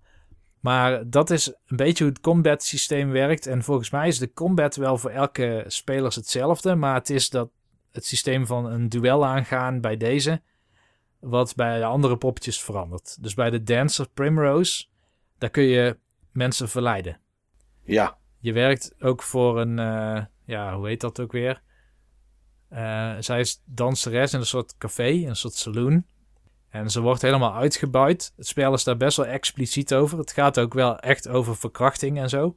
oh, Dus het spel neemt geen blad voor de mond. Het wordt geen eh eh, E for Everyone game. en Er ze zijn wordt ook weinig geslagen. eh, games die zo'n die zo'n topic aan durven snijden. Ja, ik, ik verbaasde mij er heel erg over. In eerste instantie dacht ik van ja, ze zoeken wel een randje op, maar ze waren er niet heel erg expliciet. Maar dat werd later toch wel opgezocht. oké. Maar je werkt dus voor die saloon, voor een bepaalde uitbuiter. En eh, eh, die uitbuiter is niet tevreden met jou. Want je moet meer geld opbrengen, want hij zegt de hele tijd: Ik heb heel veel in jou geïnvesteerd. Dus je moet meer klanten binnenhalen. En dan kun je dus die stad in om mensen te verleiden. En die kun je dan naar die saloon brengen. Oké, oh grappig. En ik weet niet of dat die mensen ook op een gegeven moment gaan aansluiten in battles. Ik weet wel dat ik op een Dat gegeven kan. moment... Ja? Oké. Ja, ik heb dat gezien in die video die ze van de week bij de Nintendo Direct eh, hadden, ge- hadden vrijgegeven. Of daarna kwam nog een trailer. Mhm. Maar als je mensen verleid hebben, dan kan je ze, dan kan je ze voor, voor, voor, volgens mij voor één turn, kan je ze ook in een battle erbij laten komen. En dan kan je ze een actie uit laten voeren. Oké. Ja, dat leek me wel logisch inderdaad. Ja, ja. Ik, ik heb ook heel even een party gehad van twee personen. Misschien was dat wel ook met zo iemand. ja dat zou kunnen. Ja, het leuke is dus dat jij als die Knight die dancer kan tegenkomen in die ene stad. En eh, ja, die dancer die kan ook in gebieden komen waar de Knight ooit is geweest. Ik ben niet met haar helemaal naar het dorp gelopen van de Knight. Ik geloof het wel. Ja. Het is, ja, de game doet me een beetje denken aan, hoe heet die game nou die ik laatst, vorig jaar, Radiant Historia. Oh ja. Dus eh, het is misschien meer Radiant Historia nog dan Bravely Default. Het heeft niet een overworld, tenminste die heb ik niet gezien. Niet zo'n kaart waar je dan heel klein poppetje bestuurt, die dan een grotje in beweegt en vervolgens word je in een soort instance van een grot geplaatst. De wereld is gewoon aan één stuk door 3D. Het is gewoon echt een hele, hele grote open wereld. Of open wereld, het is wel gesloten, maar ja, ehm, maar je kan in ieder geval overal naartoe lopen. ja, je zit niet, eh, ja, het is geen geïnstanced eh, gebeurtenis. Nee, snap ik. Oké, en, en die battles, dat is gewoon turn-based, hè Niels? Ja, die zijn turn-based. En de truc zit hem dus in dat jij zo je kracht bepaalt en je beurten inschakelt, dat je het aantal beurten van je tegenstander minimaliseert. Hmm. En het is best wel lastig nog. Want ik ging toch twee keer af in de demo. Ik weet ook niet of het het begin is van het spel of zo, maar ik moest wel heel even leren wat precies het tempo van het spel was. Wanneer moet je nou beurten claimen? Ja, wanneer moet Uit je de toekomst. Precies, uit de toekomst claimen. En wanneer moet je dat niet doen omdat je anders gewoon stilstaat en in elkaar wordt geramd? Dat was even uitzoeken. Maar het is in de basis een turn-based battle systeem. De battles zijn ook random voor het grootste deel. Dus je loopt over de overworld en in één keer ja, word je in een battle gezogen. Net als in de oude Final Fantasies. Ja. En het is niet te vaak. Oké, dus het is geen Final Fantasy 7, zeg maar. Nee, het is niet om de drie stappen zit je weer in een gevecht. Nee, precies. Oh, dat is wel goed. Ja, Dus ik ben ja. benieuwd. Ik, eh, ik wil die demo nog wel even gaan proberen. Volgens mij eh, zag ik ergens mensen zeggen... Volgens mij was het op NeoGaf van ja, hoe lang eh, staat de demo erop? En toen was er geloof ik ergens iemand die zei van ja, waarschijnlijk gaan ze tijdens de Tokyo Game Show nog wel meer laten zien. Wie weet updaten ze de demo wel. Ja. Dus, eh, dus ik denk dat ik nog wel heel even heb om om hem te proberen. Het is zeker de moeite waard. Ja, ja. Nou, een andere game die ook zeker de moeite waard is, maar daar zul je alleen maar mee eens zijn, Hè? is, is eh, Mario plus Rabbids Kingdom Battle. Oh, ja, natuurlijk ben ik het daarmee eens, Niels. Ja. Ik mag wel zeggen dat dit denk ik de grootste verrassing van het jaar is voor mij. Voor mij ook. Zeker met hoe ik tegen Rabbits aankijk en eh, hoe ik eigenlijk, eigenlijk niet zo'n zin had in deze game. Ik had hetzelfde, nou niet dat laatste, geen zin, dat is het hem niet zo. Het is wel een van mijn favoriete genres. Ja, oké, ik moet het nuanceren. Ik moet het nu Het battle systeem vond ik super tof. Op Ja. voorhand, voordat ik het gespeeld had. Ehm, alleen ja, die rabbits verpesten het voor mij. Ja. En dat was de reden dat ik dacht van oké, deze game ga ik niet kopen en ga ik niet spelen. Nee, bij jou eh, was dat er een ander verhaal aan waarom je hem uiteindelijk wel bent gaan spelen. Bij mij was het zo dat ik me niet heel erg stoor aan die rabbits. Ik vond ze vroeger ook wel grappig. Ik had er wat merchandise van. Ik was wel benieuwd of de rabbits niet het niveau naar beneden zouden trekken. Ja, Want het is echt geen Mario Caliber IP of zo. En die humor, dat is ook best wel... Niet echt, niet echt, nee. Nou, laat ik het zo stellen. De game is zo goed gemaakt dat je de rabbits als het goed is kan tolereren, ook al ben je eigenlijk snel geïrriteerd aan die dingen. ik ben het daar 100% mee eens. Ja. Sowieso is het een van de mooiste games op de Switch die ik tot nu toe heb gezien. Ik heb best wel veel screenshots ook gemaakt. Ik zit in de derde wereld. Er zijn, eh, zonder dat het een grote spoiler is, volgens mij is dat wel algemeen bekende informatie, maar er zijn vier grote werelden. Vier Ja. thema's, zeg maar. De, in de klassieke Mario-thema's van eh, bos, water, weet ik het wat. En elk van die werelden, die hebben een stuk of acht of negen levels. Negen. Negen levels. Ja, elke dat- wereld heeft eh zijn vier werelden. Die hebben negen chapters. Ja, goed, het is algemeen bekend, want in elke review staat het. En, eh, en, en mocht het ook van Ubisoft, die wilde volgens mij ook gewoon dat we het vertelden. Ehm, en elke wereld heeft dan na het uitspelen van die, eh, van die negen chapters nog een hidden chapter, zeg maar. Ja. Dus het zijn er tien per wereld. 10 per wereld. En als je een wereld hebt uitgespeeld, dan kun je nog teruggaan. En dan heb je ook nog eens een heleboel extra challenges. En dat zijn eigenlijk nog weer kleine mini-wereldjes waar je een speciale uitdaging krijgt. Als in versla 14 vijanden in drie beurten of zo. Nou, man, man, man, man, man. Ja, die, Die zijn was- lastig. Die is echt. Ik, ehm, ik had de eerste wereld uitgespeeld. En toen was ik al naar wereld 2 gegaan. Daar was ik over de helft. En toen ging ik toch eens een keer terug. Want Niels die had, eh, had die hidden wereld had die al gevonden. En die zei: hey, je krijgt gouden wapens. Kan je, kan je dan krijgen. Dus die doen nog meer damage. En, eh, en dat soort zaken. En toen ben ik ook teruggegaan. Maar ik ging de verkeerde manier de wereld weer terug. En dus ik kwam bij die challenges uit. En toen kwam ik bij de plek waar de allereerste battle in de game gebeurt. Als je gewoon de story speelt. En daar is dan ongeveer de eerste challenge. En er stond bij very easy. Ik denk, nou oké, weet je. ik ben. eh, ik, zit op eh, wereld 2, eh, chapter 6 of zo, of 7. Ja, dan moet ik nu dat ding wel kunnen halen. Nou, ik heb drie keer geprobeerd. Ik ben echt keihard elke keer gesloopt. Het was echt niet makkelijk om 14 karakters in drie zetten kapot te maken. Nee, klopt. Nou, het spel is op zich niet zo moeilijk. Ik denk dat ik misschien twee keer een chapter heb gehad die mij twee keer tegenhield voordat ik weer verder kon. Maar het Mhm. spel is goed te doen. Maar die challenges die zijn wel echt voor de doorgewinterde XCOM-speler. Ja, ja, die zijn echt wel pittig. En XCOM is ook een goede vergelijking voor de core gameplay van de game. Ja, het is exact dat eigenlijk. Het is exact dat, alleen dan explicieter. Dus bij XCOM heb je nog superveel variabelen en je staat met 98% kans oog in oog met een, een alien en toch mis je. Ja, Dat gebeurt in XCOM. En dat zal in Mario plus Rabbids nooit gebeuren. In Mario plus Rabbids is... eh, je hebt wel dingen met kans, maar het is 0% kans, 100% kans of 50% kans. ja, Het, ja. het is niet 95% kans waar je dan ook nog eens kan missen. Nee, nee het is, als er staat 50% kans, is het meestal omdat er een, een tegenstander achter een eh, muurtje zit. Ja, en dan heb je gewoon 50% kans om te raken. Ja, goed, eh, duidelijker kan niet eigenlijk. Ja, dat zijn van die half hoge muurtjes, zeg maar chest high walls. Ja. Die geven 50% kans. Geen, geen muurtje is 100% kans. En in line of sight natuurlijk. Ja. En een, een muur waar je helemaal achter kan staan is altijd 100% kans. Eh 100% Volgens falen, bedoel je. Eh 100% falen Ja, inderdaad. dus 0% kans. Ja, 0% kans. dat je raakt. Dus de directe manier van schieten, die is super duidelijk. Ja. En die laat jou nooit gissen of risico nemen. Eh, dat is echt een, eh, een gecalculeerde mechanic, zullen we maar zeggen. Daarnaast heb je nog een aantal subweapons.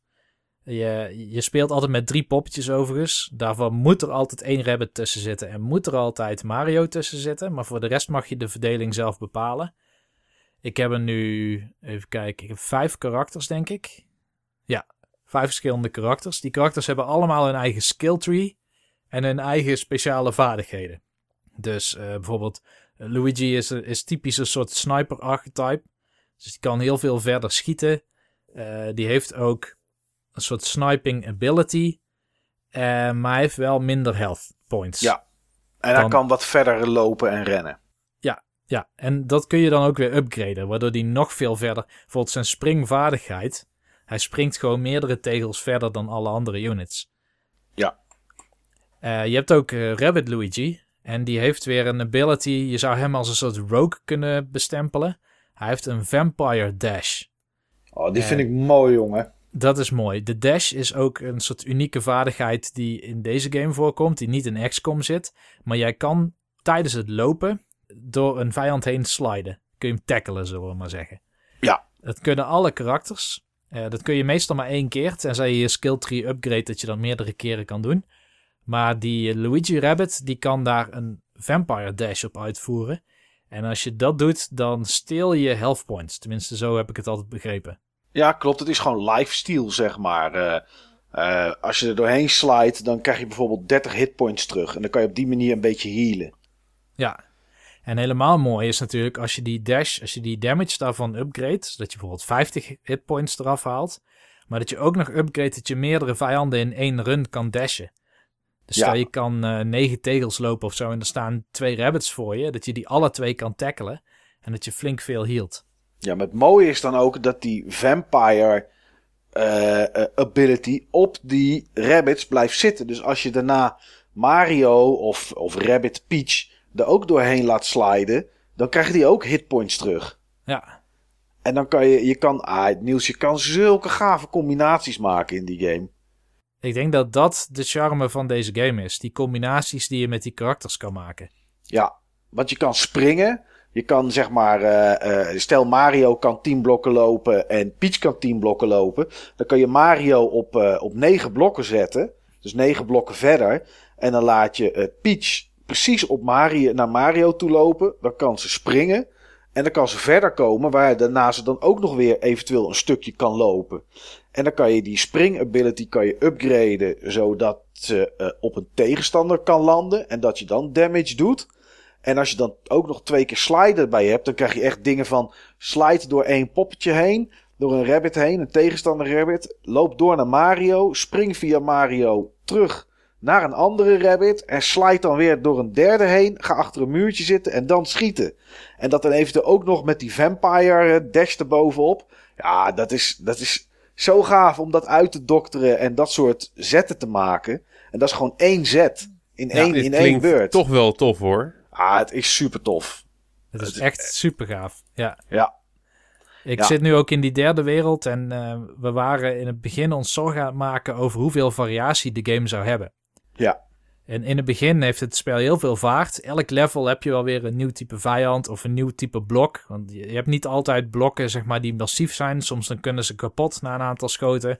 Soms dan zijn ze van een bepaald materiaal waardoor ze ontploffen of verschuiven. Of eh, zit er inkt in waardoor je daarna niks meer ziet en altijd misschiet. Dus er zit van alles in het spel. En dat blijft maar gebeuren. Zeg maar. In wereld 3 heb ik in één keer vijanden die kunnen teleporteren. Oh, damn. En dat is super vervelend, want bijvoorbeeld Mario die heeft een, eh, een Overwatch ability. Dat is een van mijn favoriete abilities. Super gaaf is die. Ja, dan, eh, wat er dan gebeurt is, hij is dan, je, kan, je kan in je beurt altijd drie dingen doen. Eh, in de volgorde die jij wil. Je mag zelf weten. En je, Je hoeft, niet, je hoeft niet de beurt af te maken met Mario. Je kan switchen. Dus als je eerst met Mario wil lopen. om daarna zeg maar iemand anders eh, naar Mario toe te laten lopen en doorspringen. En daarna door naar eh, Rabbit Peach om daar een actie mee te doen. En dan pas naar Mario terug. Waarmee je begon om te schieten of om een ability, special ability te doen. Dan kan dat. Je hoeft het inderdaad niet. Je hoeft niet de beurt af te maken. Nee, het is niet zoals eh, Final Fantasy Tactics en Jeanne d'Arc en zo. En Fire Emblem, waarin jij echt maar één poppetje per keer kan besturen. En wanneer je dat dan hebt gedaan, dan kun je die niet meer aanraken. Dat is hier niet zo. Nee. Je hebt gewoon drie mogelijkheden in je beurt die je kan doen. En die kun je welke volg- volgorde dan ook doen. En wanneer dan ook. Ook nadat andere poppetjes tussendoor aan de beurt geweest zijn. En dat zijn lopen. En in het lopen zitten automatisch de abilities voor dat dashen, voor springen en eh, in buizen gaan. Eh, ja, je hebt al meer van dat soort dingen. Ja. Je kan eh, schieten met jouw main weapon, wat meestal een soort laserkanon is of zo. Of ehm, bijvoorbeeld, ik heb dan een Mario Rabbit. En die heeft zo'n onwijze shotgun met een hagelschot, zeg maar, die heel wijd schiet. Ehm, overigens, die guns die kunnen ook weer allerlei perks hebben. Bijvoorbeeld een perk waarmee een vijand in brand staat en dan gaan ze heel hard rennen. Ja, of En een knockback en dan kan je ze uit het veld eh, schieten. Of honing en dan zitten ze vast aan de grond. Dus er zitten heel veel van dat soort perks eh, bij. En je kan zelf natuurlijk kiezen welke wapens en hoe je dat dan allemaal wil combineren. Maar je hebt ook een secondary weapon. En daar wordt het grappig, want daar krijg je dingen die eigenlijk eh, die regel van ehm, ja, die hit chance waar ik het over had, Ja, van die 50% en dingen. van die 50%, ja, daar kun je dan toch wel meer mee spelen. Bijvoorbeeld ehm, die Rabbit Luigi, die, die heeft een bazooka. En die bezoeker heeft gewoon een area of effect. Ja. Dus dan kun je ook al zit iemand achter een muurtje en die muur kan niet kapot, dan nog raak je die omdat die kogel gewoon van voor of van bovenaf komt. Ja, en Mario die heeft een hamer en dan kan je zeg maar rondom hem slaan. Dus wat je zou kunnen doen is je zou, ehm, ehm, zonder dat je gaat lopen, eerst als die vijanden bij jou in de buurt staan slaan met die hamer, zodat die iedereen een beetje damage doet. Dan door twee tegenstanders sliden en dan nog naar Peach om te springen op, op een andere rabbit. Om zo echt heel veel damage te doen aan heel veel tegenstanders. En eh, de leukste, die ik, ik, althans ik vind die het leukst, zijn de sentries. Dat zijn een soort van opwindrobotjes. En die hebben een bom. En die kun je sturen naar een vijand. En die gaat er dan automatisch naartoe. Maar die loopt maar vijf tegels of zo. Echt de helft van een normaal karakter. Ehm, maar dat is heel geschikt om bijvoorbeeld destructible cover weg te halen. Want als die ontploft, dan is ook alle cover daar weg. Ja. En als er een effect onder die cover zat, zoals vuurwerk, waardoor rabbits in brand komen te staan of zo. Of eh, inkt of wat dan ook, of ijs, waardoor ze bevroren zijn. Dat triggert dan automatisch. En wat ook nog eens mooi is, is dat vaak rabbits dat ding eerst af willen hebben voordat ze weer op jou gaan hunten. Dus je kan het ook als soort decoy gebruiken. Oh, nice. En wat jij net al zei, eh, Mike, eh, over de combinaties van dingen en dat uitdokteren van hoe zet ik deze karakters op een manier in dat 1 en 1 4 is in plaats van 2. Ja, Dat is wat ik het mooie vind aan deze game. En op een gegeven moment dan kom je bij eindbazen en dan ga je ook dingen verzinnen waardoor jij in een beurt waarin je maar drie poppetjes verzet, toch misschien wel acht keer schade doet. ja. Maar we vergeten vijand. iets, Niels. Wat Want het we- ging, het ging over die Overwatch ability, maar we hebben het niet als derde dingetje gehad over die abilities die je hebt. Oh, je hebt gelijk. Ja, Ja. dus je kon eh, lopen, schieten met primary of secondary weapon. En dan heb je nog abilities. En die abilities die veranderen, die, die zijn anders per karakter. Sommige karakters hebben wel overlappende abilities. Maar ehm, ja, Mario heeft dus Overwatch. En als je Overwatch activeert, dan in de turn van de vijanden, als iemand beweegt in line Of in of jouw sight- turn. Of in jouw turn. Kan ook in jouw turn. Oh, dat klopt ja. Als jij op iemand schiet bijvoorbeeld met vuur, waardoor, ze, waardoor de broek van een rabbit in de fik vliegt en hij gaat wegrennen, Ja, dan komt hij in line of sight van Mario misschien en dan gaat Mario er ook op schieten. Ja, die Overwatch is inderdaad op het moment dat er een rabbit, maakt niet uit welke, eh, ehm, in line of sight komt, dan schiet hij. Ja. En die kan je activeren nadat je aan de beurt bent geweest. Dus je zou kunnen denken van, ja, die activeer ik in ieder geval als eerste. Want als je dan inderdaad zo'n actie hebt die Niels net noemt, met een rabbit die in de fik staat en die gaat rennen. Of eentje die, die eh, waarop je schiet en die een aantal blokken teruggeduwd wordt. Dan heb je kans dat Mario automatisch schiet als hij hem, als hij hem ziet. Maar hij kan ook heel listig zijn, hè Niels? Want je hebt namelijk ehm, tegenstanders dat als je daarop schiet of je doet er damage op, dan komen ze op je afgerend. Dan chargen ze naar jou toe. En ik heb dus ook een keer gehad dat ik van Mario dat ding geactiveerd had. En dat ik schoot op met eh, Peach op een andere rabbit. En ehm, ehm, wat ik ook heb zien gebeuren namelijk, is dat een rabbit die in de fik vloog, naar een andere rabbit rende. Per ongeluk. En die ook raakte en wat damage deed. En toen ging die chargende ging lopen. Maar, eh, Mario schoot erop. Ja, die was te dichtbij. En toen kreeg Mario in één keer klappen. Dus toen pakte die Overwatch niet zo goed uit eh, voor mij. Nee, ja, je moet wat dat betreft deze game minder rigide zien dan een XCOM of een eh, Fire Emblem of een Final Fantasy Tactics. Daarin heb je wel, ik, ik had het net over hoe berekenend Rabbits is. Daarin zijn de uitkomsten super berekenend, behalve dan dat je met een crit chance of, of een miskans of zo te maken hebt. Maar hier heb je gewoon kans op een effect dat van alles in werking zet. Ja. Dat helemaal physics-based is en alles loopt door elkaar heen en gaat op elkaar schieten en zo. Alleen dat kun je naar je hand zetten. En dat maakt die game zo mooi. Ja. En daar kun je met super creatieve oplossingen komen. Ja, er was ehm één veldje wat ik ergens moest doen. En die had van die charge eh, figuren waar ik het net over had. En het is zo, als je eh, poppetje doodgaat in een chapter, dan is die ehm, eh, voor die battle kapot. En in de volgende battle doet hij weer mee. Maar met maar 10 hitpoints of zo. Heel weinig. Aan het einde van elk chapter en in elk... Dus je hebt een wereld, vier werelden. In elke wereld zitten negen chapters. En per chapter heb je één tot vier battles. En eh, er zijn wel wat manieren om te healen. Bijvoorbeeld met zo'n Vampire Dash of eh, eh, Rabbit Peach. Die heeft, een, die heeft een heal ability.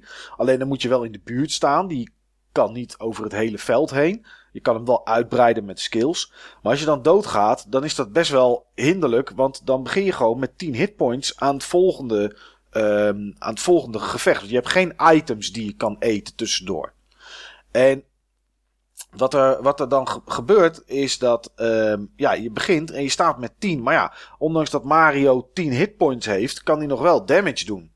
En eh, je kan wel van party members wisselen trouwens, tussendoor. Alleen Mario nooit. Want Mario is de leader. En als die kapot gaat, ja, dan ben je gewoon zuur voor de volgende battle. Dan heeft hij maar 10 hitpoints. En toen heb ik dus van die charge ehm, eh, rabbits, die op je afkomen rennen zodra je maar damage doet, heb ik, eh, ben ik zeg maar in een soort driehoekje ben ik er ruim omheen gaan staan en gaan schieten, zodat hij elke keer naar iemand anders toe kwam lopen, zeg maar. Om hem zo zeg maar te pingpongen over het veld heen. En eh, als je dan ook nog eens gebruik maakt van. eh, je hebt die chomp chomps, of hoe heette die dingen? Die aan zo'n. Chain chain chomps. Ja. Nou, die heb je ook. En die, die vallen alles aan wat in de buurt is. Of het nou eh, jij bent of een tegenstander. En als je dat goed uitkient en je laat ze daar langs pingpongen, dan doen die ook nog extra damage. Ah, dat is geweldig, man. Dat is echt zo goed om, eh, om op die manier te spelen. En dan voel je ook echt, weet je, waarschijnlijk doet heel de wereld het op die manier. Maar maakt mij, eh maakt mij geen Yoshi uit. Ik voel me dan gewoon, ik voel me gewoon een held als ik dat op die manier oplos. Dan voel je Ja. je gewoon echt goed. En iets wat me ook nog heel erg meeviel en waar ik echt vraagtekens bij had, was die overworld. Ja, Het leek, en dat is in het begin ook wel heel even zo, dat je alleen maar van de ene battle stage naar de volgende zou lopen. Met misschien tussendoor een cutscene of een grapje met een rabbit of zo en een paar muntjes. En die muntjes, ja, die heb je nodig en die verdien je ook met die battles om weer wapens mee te unlocken. En met een andere currency unlock je nieuwe skills in je skill tree. Maar die wereld zit helemaal vol met Zelda-achtige puzzels. Puzzels waarin je misschien blokken op switches moet duwen. Of puzzels waarin je laserstralen hebt die via spiegels allerlei kanten opgestuurd moeten worden. Het begint allemaal wat eenvoudig, maar op een Ik gegeven wou net moment... zeggen, in het begin zijn ze wel een beetje makkelijk. Dan denk je, ja, dit. Ja. waarom hebben ze het erin gestopt? Geef gewoon zo die muntjes. Nee, dat klopt. Maar zo mooi. Die wereld is zo ontzettend mooi. Hij is mooier dan welke Nintendo-wereld of welke Mario-wereld Nintendo zelf heeft neergezet. Ja, hij is rijkelijk gevuld, hij leeft. Het enige is wel dat er soms rabbits op de achtergrond zijn en dat loopt op 15 frames per seconde of zo, lijkt het wel. In wereld 2 heb je een soort trommels en daar springen volgens mij rabbits op. En ehm, dat doen ze wel op de maat van de muziek. En als je daar langs loopt, dan zie je dat toch een beetje stotteren en haperen. En ik heb wel één of twee keer wat, eh, wat frame drops gehad. En niet tijdens battles of zo, maar vooral in die overwereld. Dan liep ik ergens, ging het van donker naar licht. En daar was ook nog een waterval. En eh, ja, dan, dan had hij het wel even moeilijk, eh, de Switch. Dat wat jij noemde over die animaties, Ja, dat is net zoals in Street Fighter 5 op de PlayStation 4. Daar ja, draait de achtergrond op de helft van de framerate. Ja, ja, achtergrond bij Street Fighter 5 is 30 en de game is 60 geloof ik hè. Ja, en dat doen ze hier ook. Maar dan Ja. is de game nu 30 volgens mij. Ja, En inderdaad, wanneer er een aantal grote fullscreen special effects met heel veel transparantie in beeld zijn, dan kan de framerate af en toe even dippen. Maar over het algemeen is het echt een hele strakke 30 frames per seconde. ja, voor de rest loopt het echt, eh, echt heel erg goed. Het ziet er ook echt mooi uit op filmpjes. Ja, Ja, het is zo mooi. Er zit zoveel detail in. Ja, het enige wat ze voor mij nog wel echt anders hadden doen, waar ik af en toe wel eens een beetje moeilijkheden mee heb, is dat als je in die overworld bent, kan je de camera vloeiend draaien, gewoon 360 graden. Maar zodra je in battle bent, dan draai je hem elke keer 45 graden, elke keer een kwartslag. Ja. En, de- en er zijn wel eens leveltjes waar we heel veel met hoogteverschillen, want daar hebben we het nog niet eens over gehad, maar we kunnen het niet over alles hebben. Maar ook hoogteverschillen, eh, die, eh, die, die, die zijn van toepassing uiteraard in de game.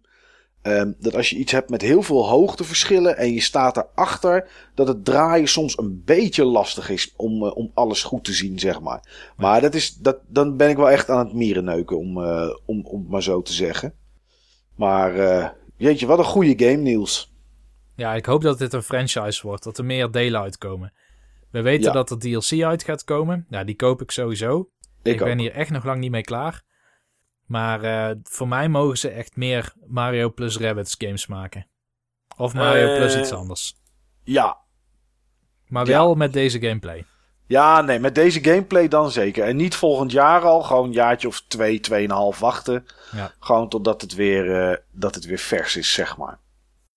Ja, we hebben het nu over Mario en Rabbids even gehad. En dat was inderdaad een game die ik totaal niet op mijn lijstje had staan om te willen spelen. En ik, eh, ik zei net al van ja, Rabbids, dat is gewoon mijn ding niet. Ehm, en zelfs één, één week, denk ik, anderhalve week voordat de game uitkwam, had ik nog steeds zoiets van nee. Totdat ik naar de Gamescom ging. Want daar ben ik geweest, twee dagen. En ehm, ehm, ja, net zoals dat jij eh, naar Korea bent geweest, naar Zuid-Korea nieuws. Ehm, denk ik dat ik ook hier even een klein stukje over ga vertellen. Ik ben twee dagen Gamescom geweest. En daar heb ik best wel wat eh, gespeeld. Sommige dingen zijn inmiddels al uit, zoals Mario eh, en Rabbids. Die is inmiddels al, eh, al beschikbaar. En die heb ik daar dus ook gespeeld, om het Mario Rabbids verhaal even af te ronden. Niet bij Ubisoft, maar bij, bij Nintendo zelf. Want die hadden een Switch liggen. Ehm, of voor mij, want ik had een uurtje had ik daar de tijd. Een Switch en een 3DS. En een SNES Mini hadden ze staan. En ik, ja, Dat is best wat. ja, dat is zeker wat. En Ze dat, hebben je eh, goed gefeteerd. ja, zeker. Ik kreeg ook eh, mini-marsjes en snickers en dat soort dingen. En water of fris. En eh, ja, goed. Je, ben redelijk, je wordt redelijk in de watten gelegd. En ja, ik had een uur lang de tijd om ja, te spelen wat ik wilde op al die apparaten. Nou, de SNES Mini die heb ik overgeslagen. Want ik denk van ja, weet je, dat is niet iets nieuws. Ehm, en toen ben ik dus begonnen op de Switch aan Mario plus Rabbids. En het was een demo van 20 minuten. Dus het was een gok die ik nam. Want het was een derde van de tijd die ik had en die ik, die ik kreeg. Ehm, en toen ik daar klaar mee was, toen had ik wel zoiets van... Oké, ik heb wel het gevoel dat ik, zoals Niels al zei... eh, de Rabbids wel kan verdragen in deze game. Want ik vond ja, het battlesysteem heel erg tof. De overwereld was op dat moment nog iets minder. Maar ja, goed, weet je, dan, dan zie je daar niet zoveel van in 20 minuten. Dus ehm, ja, die heb ik daar in ieder geval gespeeld. Maar wat ik daar ook gespeeld heb, ook 20 minuten had ik daar de tijd voor. Al ging daar 5 minuten of langer op eigenlijk aan het ouwe hoeren met iemand. Maar ik heb in ieder geval Super Mario Odyssey heb ik al eh, eh, kunnen spelen. En ja, weet je, Wat mag je daar maar over zeggen? ik mag alles zeggen wat ik gespeeld heb. Heel tof. Ja, Ehm, toen ik klaar was... Dan ben ik heel benieuwd. Ja, toen ik klaar was, toen zei eh, de, de een Nintendo eh, PR eh, meneer die naast mij stond, die zei... Zo, nou, je hebt 20 minuten Super Mario Odyssey gespeeld. Wat vind je ervan? Ik zeg, nou, ik denk dat ik in mijn notitieblok, want dat neem ik altijd maar mee om aantekeningen te maken. Anders weet ik het na twee dagen niet meer wat ik gespeeld en gedaan heb. Ik zeg, ik schrijf eigenlijk alleen maar ja op. En ehm, ja, ik heb, eh, wat ik gespeeld heb is eigenlijk alles wat we al een, eh, al een paar keer hebben gezien. Ik heb, ehm ik heb in New Donk City heb ik rondgelopen 10 minuten. Want de, de demo was of New Donk City of... Nou, ik ben de naam even kwijt. Maar in ieder geval die woestijn waar dan ook die ijsblokken in staan, zeg maar. En eh, ja, na 10 minuten dan zegt hij gewoon thanks for playing. En dan, dan is dat afgelopen. Ehm, laat ik beginnen met, ehm, met die woestijn. Dat is waar, eh, ja, een demo die we vaker al hebben gezien. En ik dacht van, oké, wat ga ik doen? Ga ik hier rondkijken en ga ik, ehm, eh, ga ik een beetje open wereldachtige dingetjes doen met eh, gebouwtjes op en met cappy gooien? Of ga ik proberen zo snel mogelijk richting het doel te gaan, zeg maar, van deze, van deze wereld? En ik besloot dat ik dat ging doen omdat ik zoveel mogelijk wilde zien. Ja, en, en wat je dan ziet is alles wat je in die demo ziet. Ik heb een Bullet Bill overgenomen om daarmee rond te vliegen. Ehm, ik ben zo'n buis ingegaan dat je zeg maar die oldschool 2D Mario eh, sidescrolling, eh, sidescrolling actie krijgt. Ehm, ik ben toch wel een beetje van het pad afgeraakt. Want zoals ik zei, ik wilde eigenlijk gewoon naar het einde toe lopen. Om zo snel mogelijk, om zoveel mogelijk van die wereld te zien. Om daar zo snel mogelijk te komen. Maar ja, dan val je ergens een keer naar beneden. Want ik had wel een beetje last. Maar dat kan komen omdat ik op de Switch zelf speelde. Dus op het schermpje. Met diepte af en toe. Met platformen. Ehm het kan ook zijn dat ik oud word en dat ik een bril nodig heb. Want ik heb vandaag eh, een andere game zitten spelen waar ik hetzelfde gevoel bij had. Dat soms de diepte een beetje lastig in te schatten is. Maar goed, dat, dat had ik. En dan viel je naar beneden en dan moest je een stukje teruglopen om, eh, om ergens weer omhoog te klimmen. Ja, dan zie je toch allemaal gaatjes en openingen. Dat je denkt, ik wil daar toch even kijken. En ja hoor, dan liggen er extra muntjes. Of er ligt zo'n maandje. Want in Sunshine hadden we natuurlijk de zonnetjes die verzameld moesten worden. Acht of negen per level of zo. Of weet ik veel wat het was. En dat was natuurlijk ook in Mario 64. Eh, en nu zijn het maandjes. Ja, en, en ja, die liggen om elk hoekje is wel iets te vinden en te doen. En dat hebben ze wel echt heel goed gedaan. Eh, grafisch ziet het er echt wel heel goed uit. Ik zag wel dat de schaduwen, die zijn zeg maar checkerboard. Dus dan zie je niet de volledige schaduw, maar dan zie je zwart-wit, zwart-wit, zwart-wit. Zie je om en om. Nou, is goed. Niet storend, maar het viel mij, eh, het viel me wel op. Ehm, ja, en dat platformen, dat werkt voor de rest wel. Dat werkt wel lekker. Het is echt leuk om met die hoed te gooien en iets over te nemen. Dat heb ik in New Donk City heb ik dat wat meer gedaan, omdat ik daar gewoon echt aan het aanklooien was. Maar ik- weet nu al, in New Donk City ben je gewoon uren en uren kwijt. Er is daar één soort hoofdquest. En dat is ehm, nou, de burgemeester die houdt een feest. En daar moet ze vier muzici voor hebben. Nou, die zitten overal verspreid en daar moet je dingetjes voor doen. En, ehm, maar er zitten zoveel plekjes in waar je naar binnen kan. Ik was een, een put ingegaan ergens, een put in de grond, een stukje riool. Ehm, en, en daar had je dan wat platformactie waar je aan het einde een maandje, een maandje krijgt. Ehm, ik heb ergens een keer ben ik naar beneden gevallen en toen stond ik op een platform waar ik eh, om een hoekje iets kon zien waar iets zat. Nou, de, de- heel die stad zit helemaal vol met dat soort, eh, met dat soort dingen. En dan eh, heb je ook echt dingen die je niet ziet. Ik, ik was begonnen aan, maar ik heb het niet af kunnen maken. Dat bij elk stoplicht, wat ik daar op een kruispunt zag, daar hing aan het stoplicht hing een, eh, zo'n blokje met een vraagteken. Waar je tegenaan kan springen waar een muntje uitkomt. En als je dan ook naar dat stoplicht loopt, of je loopt er langs, dan draait Mario ook echt zijn hoofd naar dat blokje zo van, hé, hey, daar is iets interessants. En ik had echt het gevoel van, oké, ik weet bijna zeker, als ik al die blokjes hier zo in de buurt kapot spring, dan krijg ik vast een maandje. Weet je, volgens mij heb ik ergens ook gelezen dat er sommige levels zijn waar 50 maandjes in verstopt zitten. Als je die allemaal wil verzamelen, is dat echt bizar. Volgens mij zijn er meer dan 500 in totaal of zo. Nou, en er liggen er gewoon een hoop in New Donk City. En eh, ja, je kan overal op. Je kan eh, aantal gebouwen kan je naar binnen. Ja, ik, dit is gewoon een game. Als je een Switch hebt, dan kan je eigenlijk niet zonder. Dit is echt gewoon een hele goede in elkaar gestoken game van wat ik tot nu toe gezien heb. Dus eh, ja, dit was, eh, waren plezierige 20 minuten. Eh, ja, en toen waren ze om. En toen ja, kon ik ervoor kiezen om nog een keer die demo's te spelen. Maar ja, ik had al 20 minuten Mario en Rabbids gedaan. En, en, en ook Super Mario Odyssey 20 minuten.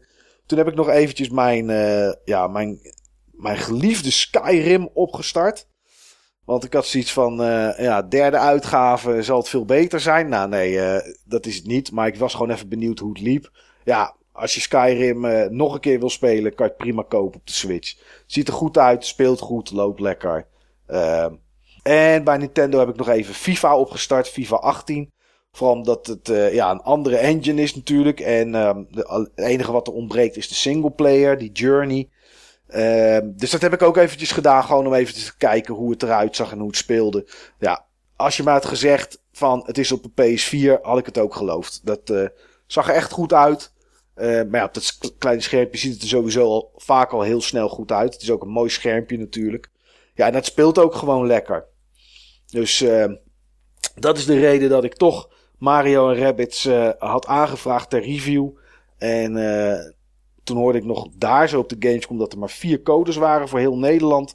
Maar blijkbaar had Ubisoft dat toch recht getrokken. En eh, kon ik netjes op tijd eh, een dag voor de release een, eh, een review produceren daarvan. En toen had ik Ja, hem ook. heel tof.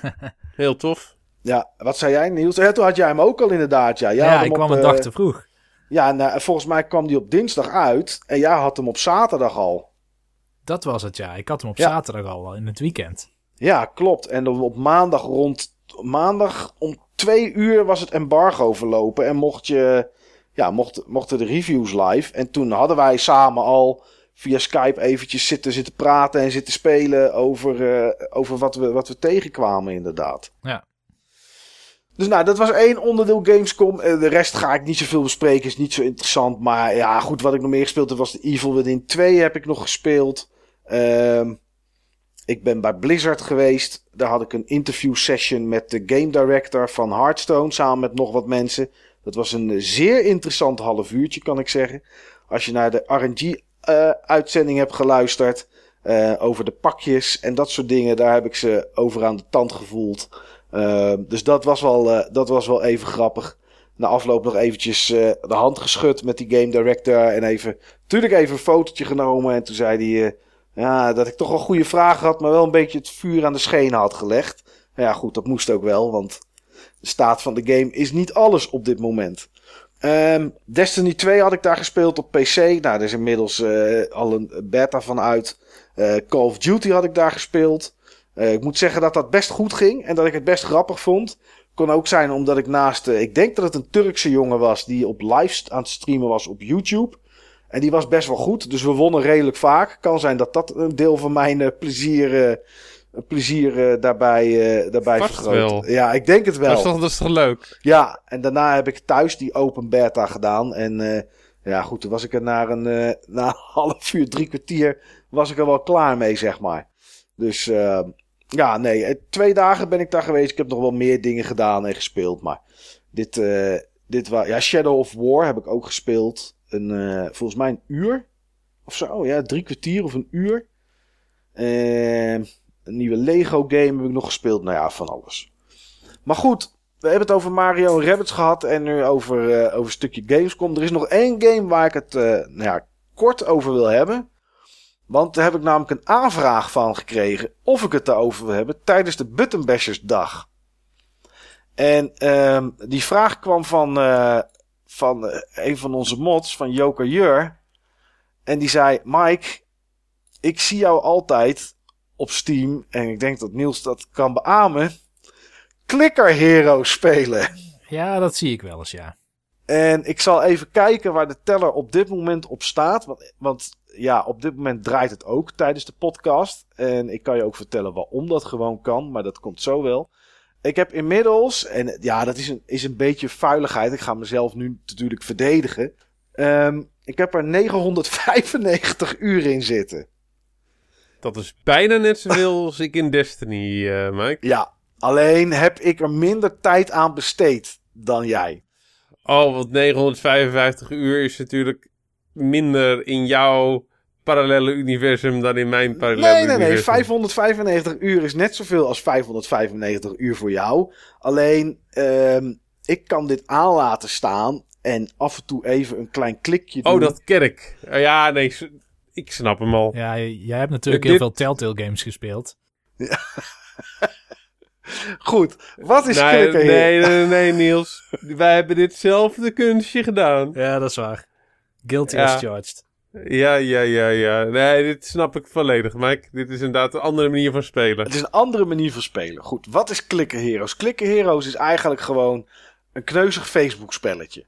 Laat ik het maar zo noemen, alleen dan zonder Facebook.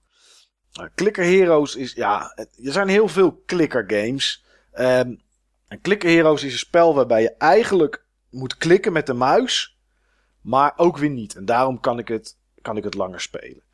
Wat het is, is je krijgt een tegenstander, daar klik je met de muis op, gewoon door klik te doen. En wat er dan op dat moment gebeurt, is dat je damage doet. Nou, je begint op level 1. Je klikt één keer op dat poppetje. Dan doe je waarschijnlijk 1 of 10 damage in het begin. Eh, is het poppetje dood en komen daar muntjes uit. Nou, klik je nog een keer, nog een keer, nog een keer. En in het begin, de allereerste keer dat ik die game ging spelen, was het echt gewoon dit.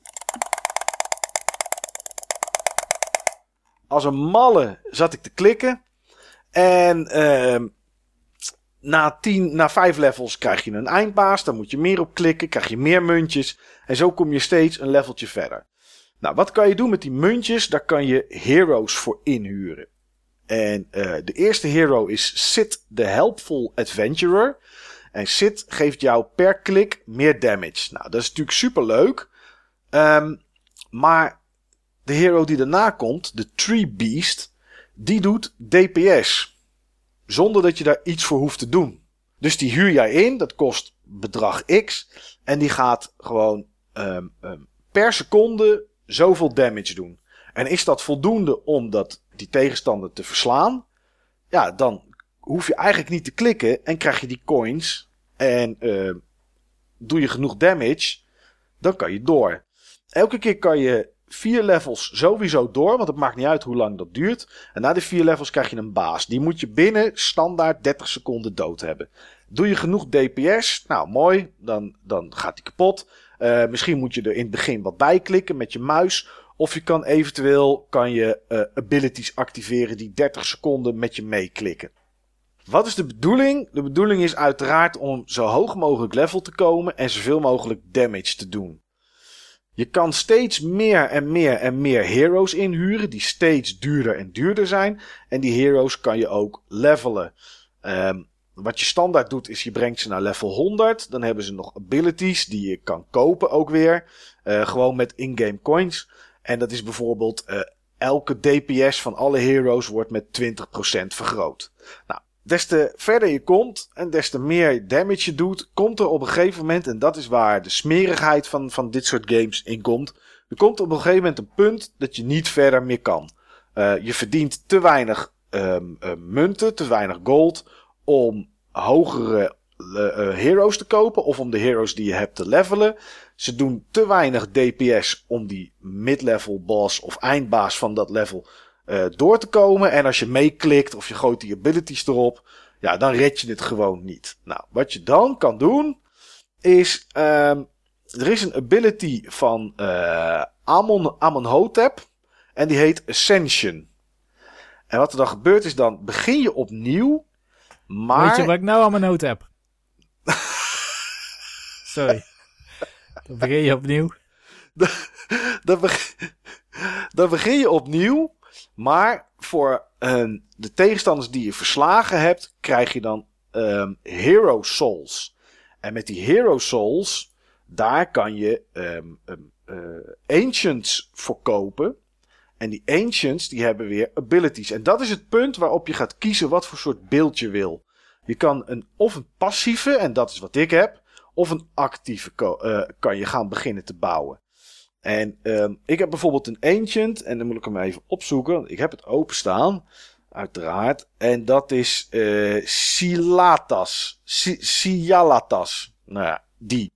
Wat die doet, is die verhoogt zoveel procent je DPS als je idle bent. Dus als je niks doet. En daarom kan ik het dus de hele dag aan laten staan. Ehm, die heb ik behoorlijk hoog opgewerkt. Dan heb ik ook opgewerkt dat er een, een ancient die zegt, eh er dropt 2700% meer gold.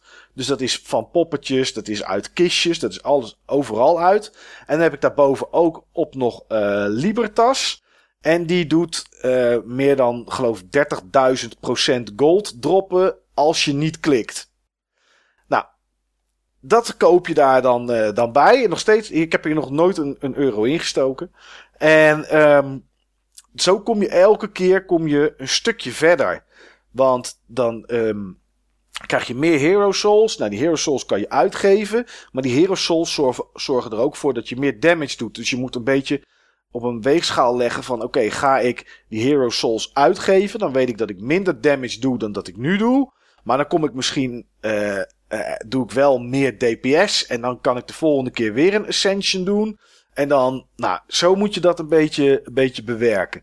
Daarnaast heb je dan ook nog eh, items... Die eh, kan je er vier van equippen. Die kan je ook weer levelen. En die geven ook weer stats en perks. En als je op een gegeven moment level 300 bereikt hebt. Dan kan je ook nog transcenden.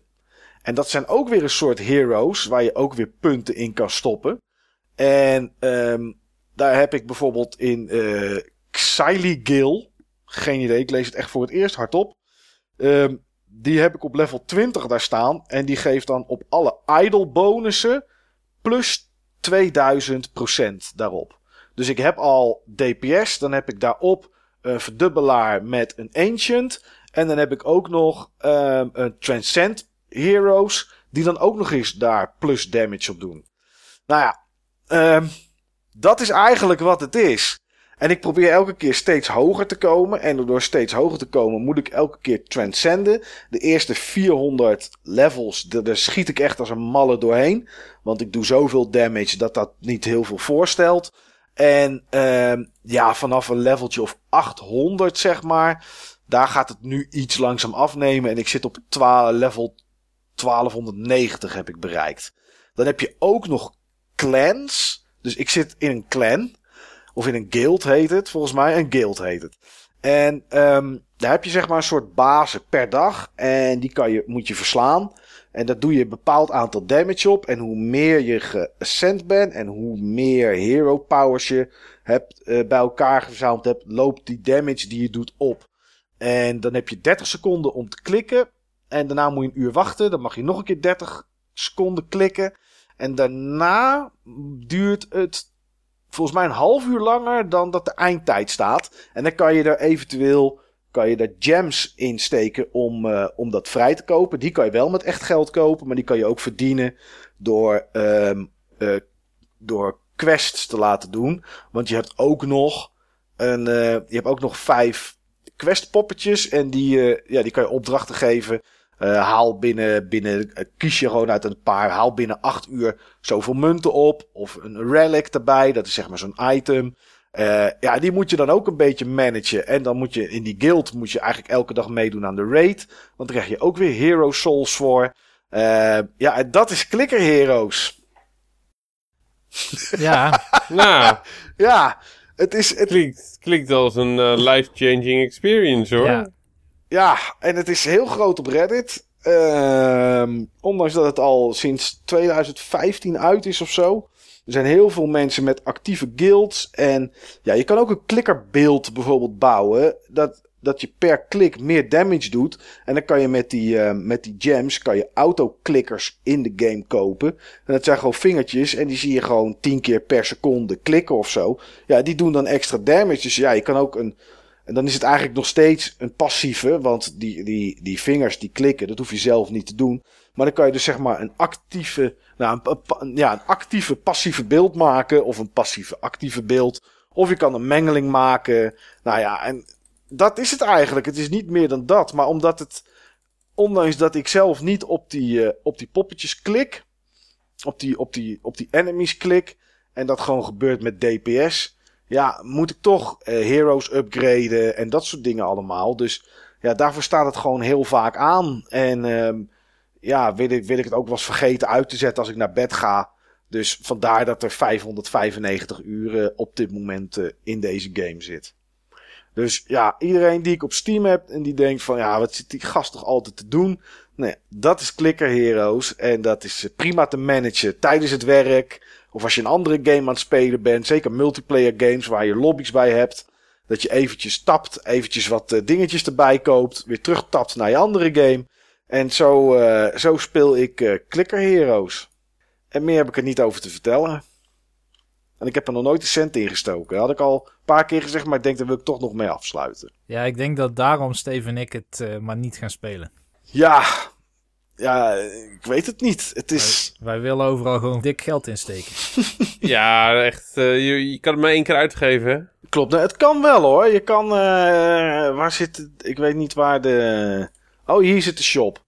Ja, je kan skins kan je kopen. Nou, dat ga ik sowieso niet doen. Dat slaat natuurlijk helemaal, eh, helemaal nergens op voor je klikker. Maar ik klik bijna nooit. Maar je kan, eh, ja, die gems, die kan, je, die kan je bijkopen als je dat zou willen. En dat, kan- dat kan je doen met geld. Maar ik heb... Was dit niet ooit een flashgame of zo? Of gebaseerd op een flashgame? Ja, dat was het inderdaad. Ja, dat klopt. Want die Ja. heb ik wel gespeeld, die flashgame. Ja, nou ja, en dat is, dat is, dit, dat is dit ook. Alleen, ja, goed, weet je, het heeft cloud saves. eh, omdat het Steam is. Dus als ik het afsluit thuis en ik ben onderweg twee dagen, dan kan ik het daar een beetje verder managen. Dus daarom dat er, eh, ja, dat er eigenlijk, behalve als ik slaap, maar dan nog laat ik het wel eens aanstaan, altijd wel een moment op de dag is dat je kan zien dat ik Clicker Hero speel. Ja, Dus ja, eh, dat is het. is, eigenlijk is het super kneuzig. En normaal gesproken zou ik zeggen van doe normaal dat je dit speelt. En dat zeg ik dan ook wel eens tegen mezelf. Zeker als ik er gewoon ja, toch een uur lang mee bezig ben. Omdat ik dan ascend. En dan, ja, dan heb ik wel even wat te managen om weer terug te komen naar level 700. Eh, ja, goed. Ik weet het niet. Het is, eh, is het leuk? Nee, het is eigenlijk helemaal niet leuk. Ik bedoel, ik haalde echt 0,0 plezier uit. Maar ja, het is, ja, weet je, het is een beetje hetzelfde, denk ik, als vroeger eh, toen ik eh, nog bij mijn ouders woonde. en de tv wel eens aanstond en ik daarna zat te kijken of iets anders aan het doen was, dan zei die oude van mij zei altijd van, nou ja, als het maar beweegt. Nou ja, en dat is eigenlijk met dit ook zo. Als het maar beweegt. Nu kan ik weer met een gerust hart slapen. Want ik maakte me toch wel een beetje zorgen nadat eh, Jur ons hierop had geattendeerd. Ja, dat begrijp ik. Maar echt, het is no worries, eh, Steve. Eh, sinds we Heel het goed. op- opnemen zijn, dat is nu twee uur, staat de teller op. Ja, is er ook gewoon alweer twee uur eh Clicker Heroes bijgekomen. Maar dat is puur ook omdat ik het er nu over moest hebben. Ik denk, ja, als ik het voor me heb, dan kan ik er natuurlijk makkelijker over vertellen. Is dit wat je toen ook een keer bij mij hebt laten zien op een smartphone? Het is, ja, alleen dat was eh eh, Tap Heroes. Dat was een andere game. Eh, dat is niet dit, maar het is exact hetzelfde principe inderdaad. Tikken om coins te krijgen, met die coins heroes kopen die DPS gaan doen. En zo verder komen. Nou, nu is er weer een quest klaar. Krijg ik 9.190e 72 aan gold. Ik weet niet precies hoe dat met die gold dingen werkt. Eh, maar het loopt in ieder geval op. Kan ik weer een nieuwe quest aan het poppetje geven. En dan zeg ik, doe maar 96% van mijn Ascension, van mijn Hero Souls. En dat duurt twee dagen. Dus over twee dagen kan ik van de Hero Souls die ik bij elkaar heb vergaard. Krijg ik dan, eh, krijg ik daar 6, wordt dat 96% verdubbeld. Nou, en dan, dan loopt dat. En dan koop ik weer, eh, koop ik met dat geld. Kan ik nu Terra weer vrij spelen. Zo, huppla, 100. Level 100 is dat poppetje nu. En dan gaat het weer lopen en dan doe ik weer even niks. Er zit gewoon altijd groei in. Ik denk dat Ja, dat het mooie is. Nou, dat is zo. Want op het moment dat je, dat je niet verder komt, en dat is bij mij nu nog steeds eh, level 1290. Op het moment dat ik straks drie of vier keer daar voorbij ben, de, de, een Ascension heb gedaan en dus sterker ben geworden, kom ik die 1290 voorbij. Ja, dan stopt het misschien ergens weer bij 340 of 350, omdat dan te weinig geld binnenkomt of te weinig damage doe. Vaak is het een combinatie van beide. Nou, dan, wil ik, dan ga je dat dus weer upgraden. En dan, ja, Weet je, het liefst zou ik nog een keer willen transcenden. Ehm, want dan kan ik die plus 2000 effectiveness of all idle bonuses kan ik upgraden. Ehm, alleen de, de pest is, als je transcend doet, dan begin je echt vanaf nul. Dus ehm, als je ascending doet, dan blijven je, ehm, eh, je ancients, die ik geleveld heb, die zoveel plus plus plus plus plus doen op alles, die blijven. Dus als ik één klikje doe, krijg ik echt bakken met geld. Kan ik gelijk eh, hero nummer 15 kopen. Dan gaat hij onwijs veel DPS doen. Maar als ik een Transcend doe, dan ehm, zegt hij van... Ja, dan ben je echt alles kwijt. Je blijft wel in je clan zitten, maar daar kan je niet meer bij. Ehm, ja, je bent echt van alles kwijt. En dat is, dat is wel... eh, je Ancients ben je kwijt, je Zone Progression, alles. En dat is, dat is dus een beetje afwegen, want je krijgt er wel iets moois voor terug, maar je moet alles weer opnieuw gaan doen. En dat is wel, eh, dat is, eh, is niet helemaal waar, maar grof gezegd wel. En dat is, dat is de reden dat ik dat op dit moment nog niet doe, maar er komt straks waarschijnlijk een keer een moment dat ik het wel doe. En dan denk ik, oh, ben ik aan begonnen en dan, ja, als het lulletje rozenwater begin ik gewoon weer met klikken en met spelen. Ehm, dit had misschien een mooie game kunnen zijn voor de Hidden Gems. Potverdorie. Maar goed, dat wilde ik. eh, daar is deze game net niet, net niet geschikt voor, denk ik. Maar dat is wel waar we het vandaag gaan over gaan hebben in ons hoofdonderwerp.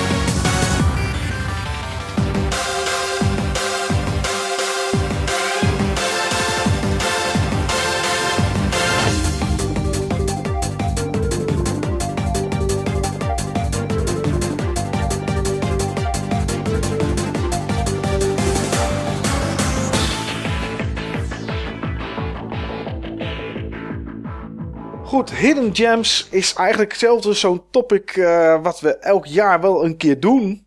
eh, gezien het nummer. Net zoals muziek en games. Want dat zijn toch dingen die leuk zijn. En waar we toch vaak over games leren. Zo heb ik in mijn PSP-collectie nu, Steve. Dankzij jou, dubbel dankzij jou. eh, wat is het? Half Minute Hero. Want die heb jij ooit eens een keer genoemd in een Hidden Dat Gems. klopt. Ja, in een Hidden Gems. En eh, toen ik in Dat de... wist ik zelf niet eens meer. Ja, ja. En toen ik in de vorige podcast zei dat ik wat meer PSP wilde gaan eh, verzamelen. eh, wat inmiddels redelijk gelukt is, moet ik heel eerlijk zeggen. Daar heb ik een goede bijdrage aan geleverd. Zeker weten, daar heb jij die game aan eh, aangedragen. Even voor de statistieken, heel snel. Ehm, eh, vorige uitzending had ik er 9 PSP-games. Inmiddels zit ik op de 71. Jee. Ja. Ja, Oh, ja. dus dat is eh, explosief gestegen.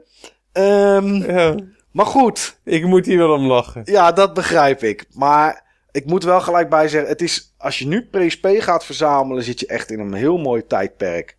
Eh, Spot goedkoop en het is nog aan te komen. ja, als je naar een eh used products gaat, dan kan je voor 2, 3 euro per game. Als je een beetje geluk hebt, kan je games meenemen. Eh, er zijn zelfs winkels, eh, zoals de Netgame, waar gewoon games liggen voor een euro. Nieuw in seal. Omdat ze er gewoon vanaf moeten. Er is niemand die het koopt. Dus mocht je iets willen gaan verzamelen wat nog een beetje te doen is. Zelfs de Final Fantasy titels zijn rond de 15 tot 20 euro. Nou, dat ligt meestal wel hoger op een platform. Maar goed. ehm, ja, die game kwam uit eh, de Hidden Gems. En die heb jij ooit aangeraden, Steve. Dus ik ben benieuwd, wat ga ik na deze uitzending op eBay kopen? Het is een game. Het is een game met heel veel elementen van, eh, van Destiny. Oké. In zekere zin. Ehm, veel herhalende missies. Mhm. Om sterker te worden. In een futuristische setting. Oké. En ik heb hem in de tijd beleefd in een co-op setting. Oh, dat is wel interessant. Ja, het is eh, niet de oorspronkelijke manier hoe die game is uitgekomen. Maar het was wel de enige manier hoe ik hem thuis kon spelen. In plaats van in zijn oervorm die ik toen eh, heb gezien op PC. En dat was Syndicate van Bullfrog. Oh, Syndicate. Damn. Syndicate, om van precies te zijn, de SNES-versie van Syndicate. Oh, nice. Daar ben ik heel benieuwd naar. Ik ken alleen de PC-versie. Die vond ik super gaaf. De, NES, de SNES-versie heb ik gekocht een aantal beurzen geleden. En ja, dat is wel een van de kandidaten die ik nog een keer co-op zou willen spelen. Nou, wat er tof aan ehm, het is, het is gewoon een ongebruikelijke game voor een 16-bit spelcomputer. Het is een, ehm, het is in feite een tactische game. Eh, tactische strategische game, maar wel met heel veel, eh, veel actie. Eh, je moet de wereld veroveren. Klaar. Je moet de wereld veroveren. En dat doe je door allerlei syndicates, eh, andere syndicates op de korrel te nemen in andere delen van de wereld. En dan moet je missies eh, doen. Je hebt een aantal verschillende missies. Je hebt missies van dat je zeg maar mensen moet, eh moet persuaden. Of een specifiek iemand moet persuaden. Of een heel syndicate uit moet, moet moorden. Ehm, je kende de PC-versie al van, van Syndicate. Die heeft zeg maar mooie kleine sprites. Eh, vrij hoge resolutie voor die tijd ten opzichte van, eh, van console games. Ja, het was 640 480, terwijl de meeste games nog 320 bij 240 waren. Ja, ja. Dat heeft de SNES-versie natuurlijk niet. Die is volgens mij 320 bij 240, als die het al is. Maar de sprites zijn een stuk groter gemaakt en cartoony. Maar de sfeer van, ehm, van die Blade Runner-achtige wereld... Met, eh, met, met, met cyborgs, met implantaten... Dat, dat zit, zit er wel echt in nog. Het is anders, maar het zit er echt nog wel, eh, wel in. Het is wat donkerder, het is wat grauwer. Ehm...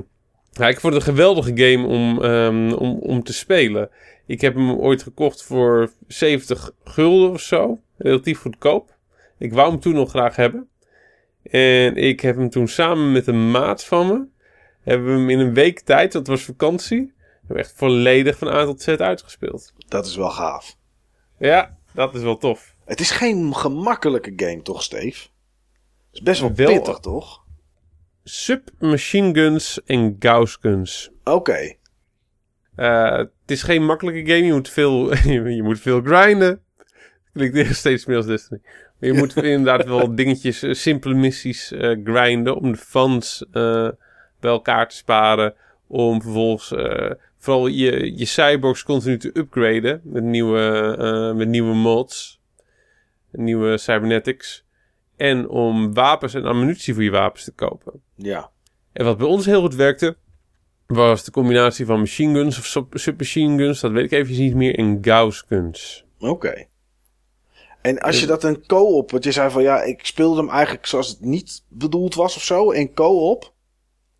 Eh, het was, eh, op PC had je dat volgens mij niet, local co-op. Nee. Oh, eh, nee, nee. PC bestuurde je het met de muis en dan kon je ook alle karakters tegelijk besturen. En op de SNES bestuur je volgens mij één karakter met de vierpunts druktoets. Klopt, klopt.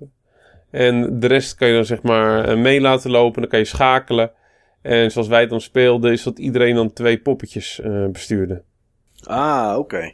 Dat we allebei twee poppetjes eh, bestuurden. Mijn maat één, ik één. En die andere twee liepen er dan achteraan en schakelden we soms zeg maar naar, eh, naar om. Ik wilde deze, gra- deze game echt heel erg graag. Ik kan me nog herinneren dat ik met mijn ouders naar de speelgoedwinkel ging. En dat ik in zo'n Intertoys boek had omcirkeld. Syndicate. Syndicate wil ik hebben. En die hadden ze toen helaas niet. Toen Ah. heb ik volgens mij het Theme Park maar meegenomen.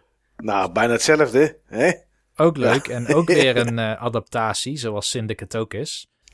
Maar ja, het is een geweldige keuze, Syndicate. Zou dat als je dat nu nog nooit gespeeld hebt, Steve, is dit goed oud geworden, hé? Is dit, want ik heb een tijdje terug, ik denk een half jaar, drie kwart jaar, heb ik iemand op Twitch ehm, die games zien spelen. Toen heb ik denk ik, ik weet niet hoeveel uur die erover deed, misschien 40 uur of zo, ik noem maar even wat, om het uit te spelen, of 50. Eh, heb ik er denk ik een stuk of 10, 15 van gezien. En ik dacht van, dit lijkt me heel taai om dit nu nog te spelen, hé? De PC-versie of de De SNES-versie? SNES-versie. Ik denk dat het niet zo goed als oud geworden is. Nee. Oké. Je kan hem ook op de Amiga spelen, hè, Mike. Ja, klopt. Ja, ja, ja. Ja, daar heb ik hem ook inderdaad.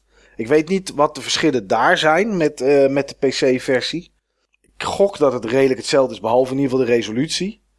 Maar eh, ik, heb die, ik heb die daar nog nooit opgezet. Ik heb me er nooit aan durven wagen eigenlijk aan, eh, aan, aan die Syndicate. Ik weet Oh, niet waarom zeker niet.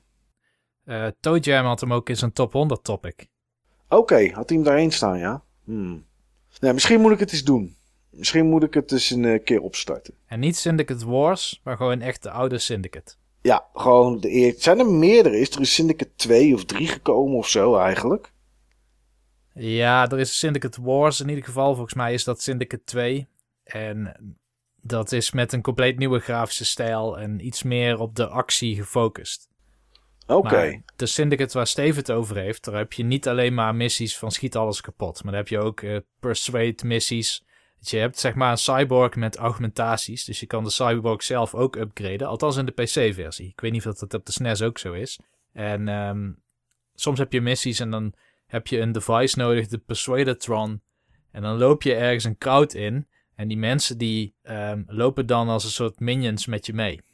Hmm, Niet minions van die gekke minions. Niet die Nee, niet, niet, niet, die, niet die gele maar met hersenloze ja, zombies, zeg maar. Oké. Ja, ik zit hier te kijken even op Wiki en ik zie ook inderdaad ja, Syndicate, Syndicate Wars. En daar is nog een expansion pack, gekomen, Syndicate American Revolt. En dan is er nog een Syndicate titel uitgekomen in 2012. Ja, het is een first-person shooter. Oh ja, Ja. klopt inderdaad, die ja. En dan is er nog een, een Kickstarter geweest om Syndicate een, een game te releasen genaamd Satellite Rain. Maar of dat ooit eh, gelukt is, weet ik niet. Oh ja, 28 augustus 2015 is dat uitgekomen. Maar dat was dus, heet dus niet Syndicate en is gewoon een Kickstarter geweest van iemand die aan Syndicate Wars had gewerkt. Het is nog een game uit de tijd dat Pieter Moulineux echt een kwaliteitsmerk was. Ja, Met Bullfrog. Bullfrog was sowieso een mooie studio. Dat, eh, die hebben echt een hoop leuke games gemaakt, man. Bullfrog. Ja. Oké, nou, mooie keus, eh, Steve. Eh, ja, Niels, kom maar op. Steve is weggevallen volgens mij. Nee, Oh. ik ben niet, weg, ik ben niet weggevallen. Ik, was, eh, ik zat heel eventjes op het forum. En ik, ja... Ja, ik, ik zie hier een foto van, ehm van Flozem in de Fire Emblem Heroes eh, topic. En ik ben een beetje dood van binnen. Oh, waarom? Ja, hij heeft daar zeg maar op één banner... heeft hij drie 5-star heroes... waaronder Brave Lucina. Oh, nou, Steve, het komt voor jou Maar ik gun, ik gun het hem. Ik gun het hem. Maar ik heb Syndicate. En ik heb Syndicate op deze manier kunnen ervaren in een periode dat het gewoon best wel een unieke ervaring gaf. En eh, wat jij net, eh, net vroeg, Mike, ik denk niet dat eh, voor mensen wie deze, voor wie deze jam echt hidden is, dat ze het op een soortgelijke manier zullen ervaren. Maar we kunnen het binnenkort eh, controleren met, eh, met Niels. Ja. Maar ik vond het er eentje die absoluut voor mij een vermelding in eh, deze inmiddels toch wel vaste rubriek waard is. Oké, netjes. Eh, Niels, heb jij een game eh, die goed is oud geworden? Of misschien heb je wel een nieuwe game? Wat heb je? Die je misschien wil kopen. Ja, ja ik, ik heb tot nu toe nog niks gehoord in deze podcast. Nou, ja, nee, dat ik denk van dat ga ik kopen. Oké, nou ja, als je iets van 300 euro wil besteden, dan is de volgende game misschien wel iets voor je. Hmm. Ehm, het is een game voor de PC Engine, vandaar die hoge kosten. Ja, want ik heb, oh, geen, ik, zit, ik zit klaar. want ik heb ook geen PC Engine, dus het worden voor mij extreem hoge kosten. Zijn jullie bekend, Wel, het is wel waardevast, hè? Ja, dat wel. zijn jullie bekend met de serie Moto Roader? Nee. Ik wel. Dat is een soort Micro Machines-achtig spel. Top-down racing game. Eh, vijf spelers tegelijk. De meeste PC Engine games die multiplayer waren met meer dan twee spelers waren vijf speler games volgens mij. En in die game kun je volgens mij rijden en schieten. En ook als je achterop raakt, dan ben je niet af meteen zoals bij Micro Machines, maar verlies je heel veel fuel. En fuel moet je op blijven pakken op de tracks om in de race te blijven. Eigenlijk degene die nog de meeste fuel aan het einde van de rit over heeft, die wint. Maar dat is niet de game waar ik het over wil hebben. Oké. Het is een spin-off. Moto Roader MC. En ik heb geprobeerd er extra informatie over te vinden vanmiddag. En eh, dat bleek heel erg moeilijk. Ik heb twee websites gezien waar er iets over werd geschreven. En ik heb twee video's gezien. Eén longplay en een heel kort videootje die volgens mij bij zo'n PC Engine website hoort. Dus het is geen bekende titel. Ja, de PC Engine Software Bijbel bedoel je dan waarschijnlijk. Ja, die site inderdaad. Ja. Motorroader MC is een spin-off in de stijl van Indie Heat en Iron Man's Offroad. Dus één scherm, top-down racing games. Oké. En in dit spel heb je ook een soort, ja, wat zijn van die radiografisch bestuurbare autootjes. Dus hele kleine wagentjes, die kunnen racen en schieten. Ze hebben raketten. Ehm, het stomme is wel in de besturing dat je, je hebt twee knoppen op de PC Engine controller. Dat is de Nest controller min of meer. Eén knop is racen, de andere knop is remmen. En schieten doe je gewoon door op de raceknop te tappen. Dus je moet de gasknop loslaten om te schieten. Nou, dat is een beetje onhandig, maar goed, Ja. zo werkt het. In de klassieke motorroder kon je ook nog tussendoor je engine upgraden of je banden upgraden. Beetje net als ehm, bij die andere games die ik net noemde. Maar bij deze game is dat niet. Dit is gewoon puur top-down racen. Op de Wii heb je ook een eh, hele coole game, Driftmania, gehad. Zoiets is het eigenlijk. Ehm, maar het is dat er zijn gewoon veel banen. De banen zijn iets interessanter dan bij Indie Heat. Indie Heat eh, is een NES-game en het gaat meer over van die Indy cars, van die Formule 1-achtige autootjes. Daar heb je ook wat ja, nitro-management bij. Maar hier met dat schieten ben je toch iets meer bezig. En eh, er zitten best wel veel themaatjes in de game. En stages. Verschillende soorten stages ook. Maar wat het leuke aan deze is en wat hem voor mij onderscheidt ten opzichte van die andere games. eh, Slicks and Slides was trouwens op de PC ook zo eentje. Vond ik ook heel erg gaaf. Oh ja, die ken ik wel. Ja, zo'n game is het dus. Eh, wat het onderscheidt zijn een aantal minigames. Onder andere Rocket League-achtig. Oh? Met auto's voetbal spelen. En twee goaltjes. Die goaltjes zijn meer net als eh, omgekeerde ijshockey goals. Dus alsof de ijshockey goal richting de muur gekeerd is. Zodat je via de muur altijd moet scoren. Oh, oké. De opening zit aan de achterkant dan. Ja, die zit aan de achterkant. En het is 1 tegen 1. Dus het is niet zo heel hectisch. Maar het begin werd daarmee gezet. Het is ook helemaal physics-based. Oké. En daar heb je meerdere layouts van, qua levels ook. Maar je hebt ook nog een mode, en dat is meer een soort rumble mode. Eh, ik weet niet of dat ik het ooit... Ja, dat heb ik heel kort even over gehad. Misschien wel in de vorige aflevering. De game Street Racer. Voor de Super Nintendo en de Mega Ja, Drive. ja. Daar hebben we toen over gehad. Inderdaad, ik weet niet hoe het kwam, maar die had ik toen tijdens mijn Secret Santa ook gekregen. Oh ja. Ja. Nou, dus ik vind dat echt een super gave game. Vooral als je multitap hebt. Ik heb hem laatst dus ook nog gespeeld in eh, zo'n multiplayer dag die ik had. Oh ja, met mensen. vier, vier speler eh, dag, waar het toen over heb gehad, inderdaad. Ja. Je had ook nog zo'n systeem. Volgens mij was dat de Saturn of zo. Daar had je acht eh, spelers op één scherm. Dus acht splits. Oké, Dus echt, daar heb je zo'n heel smal, wijd schermpje voor jezelf. ja. Maar wel gaaf dat het ooit is gemaakt. Het kan ook de Atari Jaguar geweest zijn of zo. Maar goed, eh, daarin zit ook een mode en dan moet je mensen gewoon van de baan afslaan. Dus je zit op een soort zwevend plateau. Zo'n mode 7-achtige view. En dan eh, kun jij jouw arsenaal, tenminste in Street Racer, met eh, slaan links en rechts met de L en de R knoppen. En eventueel onder stroom zetten of grappling hooks of zo kun je gebruiken om mensen van de baan af te stampen. Nou, dat heb je dan ook in die Motoroader MC. Alleen dan is het allemaal wat simpeler. Hè? Dan moet je gewoon elkaar eraf beuken, zeg maar. En moet je proberen iemand achter je aan te lokken of op je af te laten rennen als soort stier en dan net achteruit te rijden of misschien juist stil te staan omdat ze dat niet verwachten zodat ze zichzelf van de baan afstorten. Maar eh, het is dus een hele competente Micro Machine slicks en slides-achtige game met wat extra minigames. En uiteindelijk vind ik het daardoor de leukste in zijn soort, denk ik wel. Oké. Nou ja, leuke titel. eh, ik, eh, ja, ik ken het niet, maar het klinkt wel als zeker multiplayer leuk vermaak, eh, Niels. Zeker, met z'n vijven, hè? Ja, Ja, ik heb maar vier controllers, dus ik met z'n vieren. nou ja, is, is ook al heel wat. Ik bedoel, eh, dat is best netjes. Ja, dat is mijn Eh. retro pick. Oké, Dat is genoeg voor een mooie eh, multiplayer ervaring. ja, zeker. Ehm, ik heb een game waarvan ik eh, bijna zeker weet dat jullie hem niet kennen. Het is eh, een game die op PC uit is gekomen, op Amiga, Amiga CD32 en Atari ST in het jaar 1991. Het is een, eh, ja, het, het, is een futuristische game.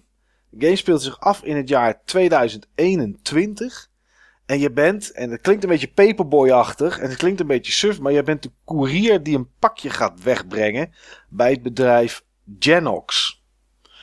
En de game waar ik het over heb is D-Generation. Kent een van jullie die? Nooit van gehoord. Nee, ik ken hem ook, ken hem ook niet. Oké, hij is, ehm, eh, is van de uitgever Mindscape. En op de doos, die ook heel vaag is, met een soort van schim en wat rode vlekken, staat bij Virtual Reality Meets Action Adventure. Nou, dat is natuurlijk al een goed begin. Het is, ehm, ja, zoals je zegt, je bent een, eh, een koerier.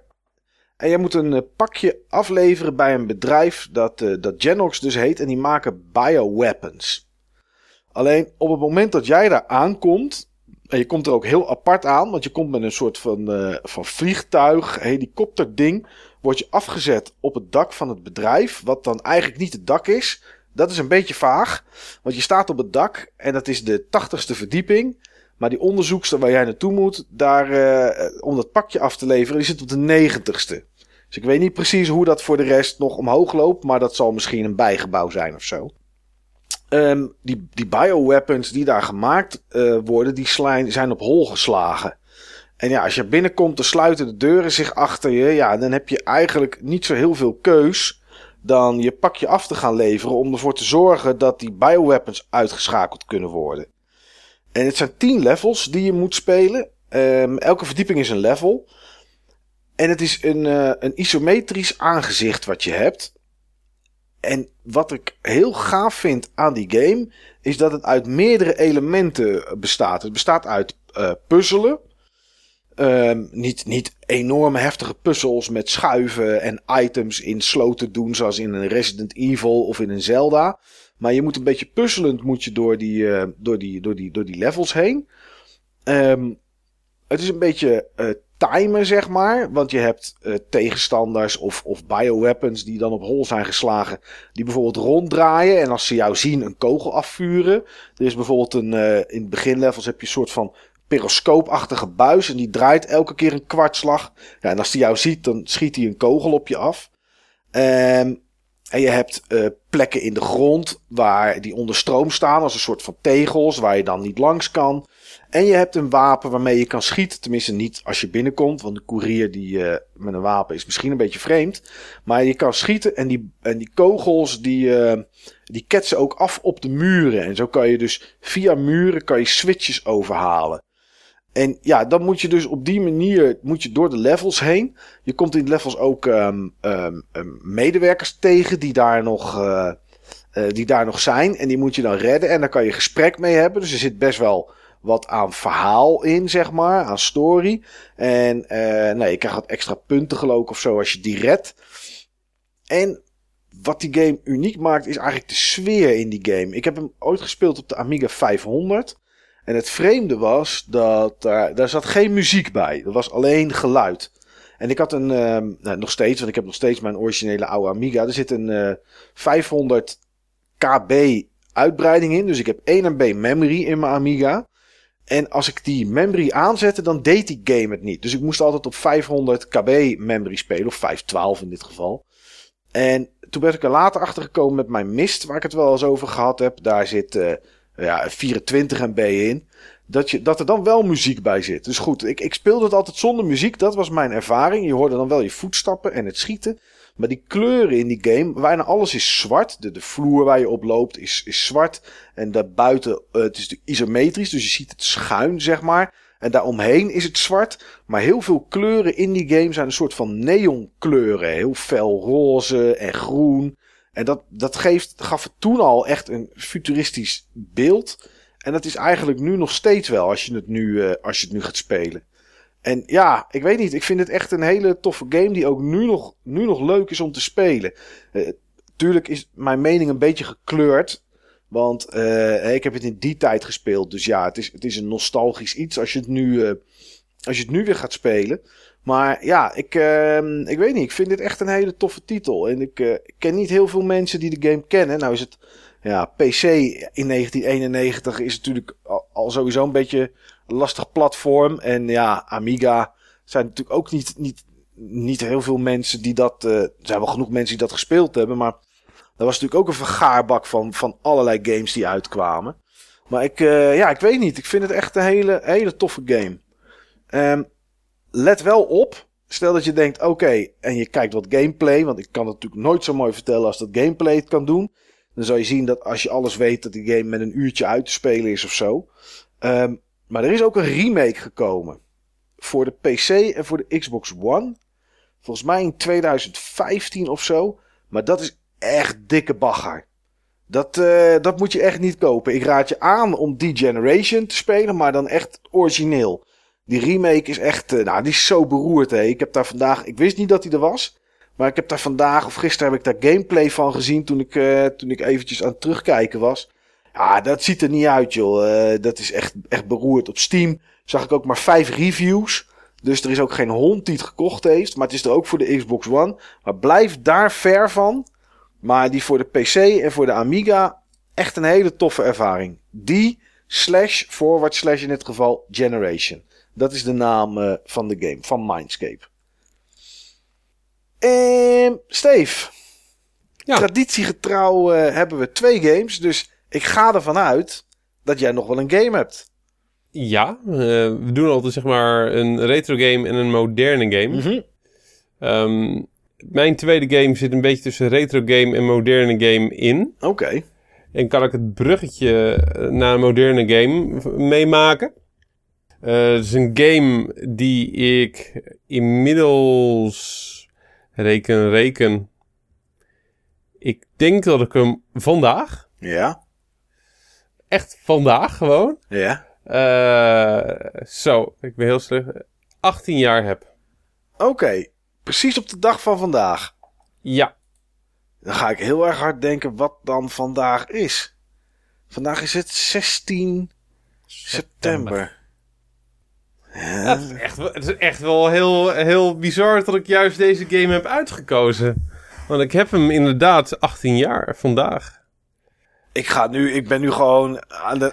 En dan reken ik eventjes niet met 16 september, maar de eerste zaterdag na 9 september ehm 2000, nee, 9 september 1999.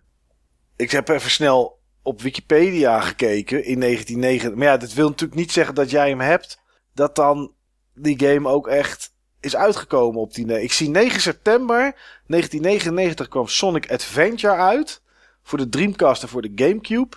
En op 9 september kwam Soul Calibur uit voor de Dreamcast. En op 17 Nou. september... Misschien zou het daar wat mee te maken kunnen hebben. Dat zou kunnen.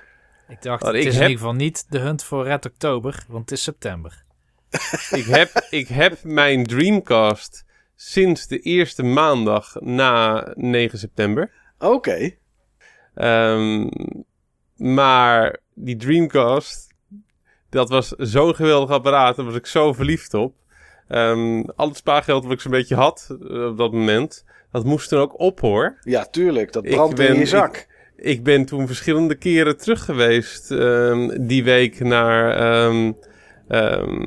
Future Zone. naar eh, Future Zone. Ja, jij hoopte gewoon diezelfde dame in die trein weer tegen te komen, Steve. Ja, precies. Eén keer, dat was het denk ik.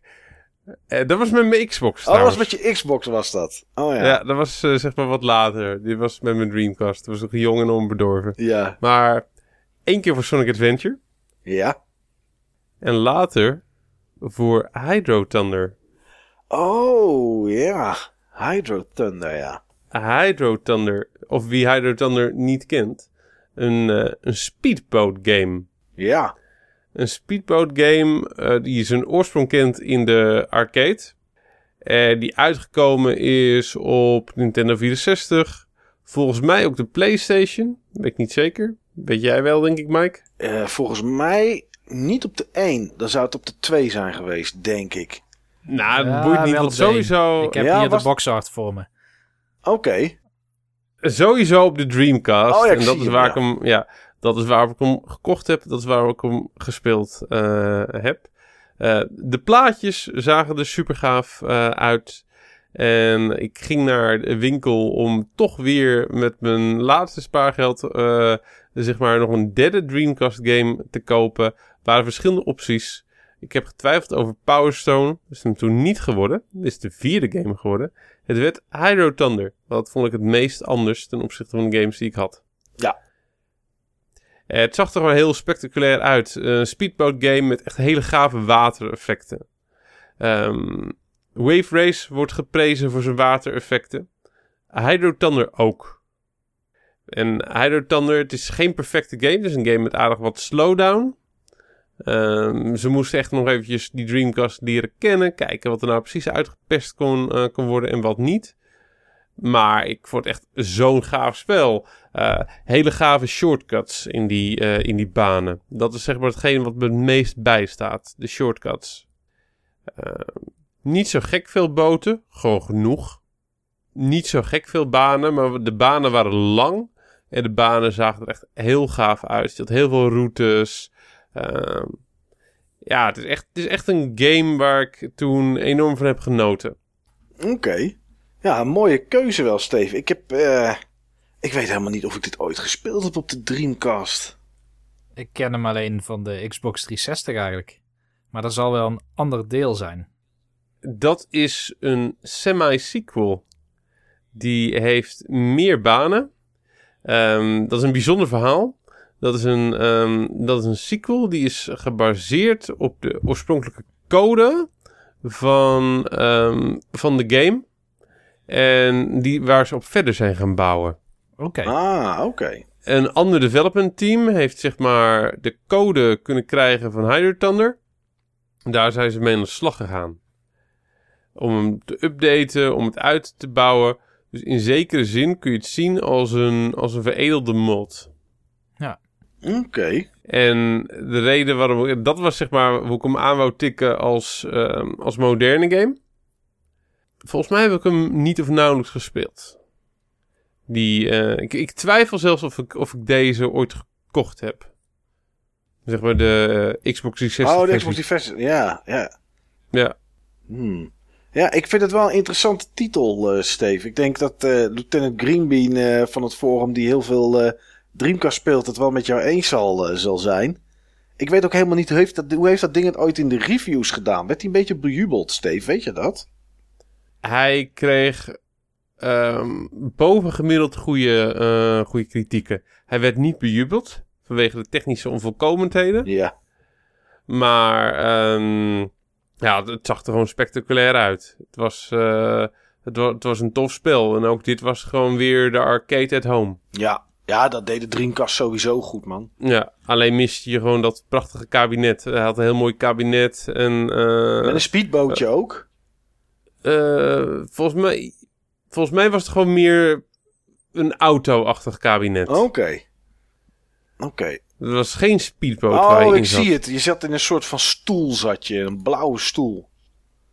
Ja, Met een stuurtje, inderdaad, ja. met een stuurtje inderdaad, ja. Maar wel Ja, gaaf. Tof spel, kan hem aanbevelen. Sowieso op, eh, op Dreamcast heb je niet de mogelijkheid om hem te spelen. Ik denk dat de meeste mensen wel toegang zullen hebben tot een Xbox 360. Ehm, volgens mij heet die Hydro Thunder Hurricane. Ja, ja, dat is de Ik- 360 ja. eh, opvolger, zeg maar. Ja, ook de moeite waard. Ja. Normaal gesproken, Steve, zou ik zeggen, ik schrijf hem op mijn whiteboard. Maar je whiteboard is weg, Nee, dat is er nog steeds. Dat is hem. Maar gelukkig. ik, ehm, ik ben overgestapt tegenwoordig naar toch maar mijn verzameling in een app te zetten. En ehm, normaal gesproken deed ik dat gewoon op een website. En dan vulde ik zelf de naam van de game in. En eh, weet ik wat allemaal voor informatie. Ik doe dat eh, tegenwoordig met de CLZ Games. Dat was mijn vraag inderdaad. Welke app gebruik je er dan voor? Ja, CLZ Games. En ehm, ehm, die is gratis voor 100 games. En daarna is het, eh, kan je hem unlocken voor 14,95. En daar zit een barcode scanner zit daarin. En dat is, ehm, ja, ik zal niet zeggen dat hij alles pikt. Want soms scan ik een PlayStation 1 game. En dan maakt hij er een PS2 titel van. Of een Xbox 360. Dus ja, er zit wel is wat fout in. Maar dat kan je dan corrigeren. Maar daar ben ik nu eh, al mijn games eh, aan, het in, eh, aan het inzetten op dit moment. Ik zit aan de 1155 stuks. En ik moet er nog bijna al mijn PlayStation 1 in zetten. Maar daar kan ik dus ook een wishlist kan ik daarin in aanmaken. En dan, dan ga ik hem daarbij zetten. Dan ga ik dat op die manier ga ik dat gebruiken.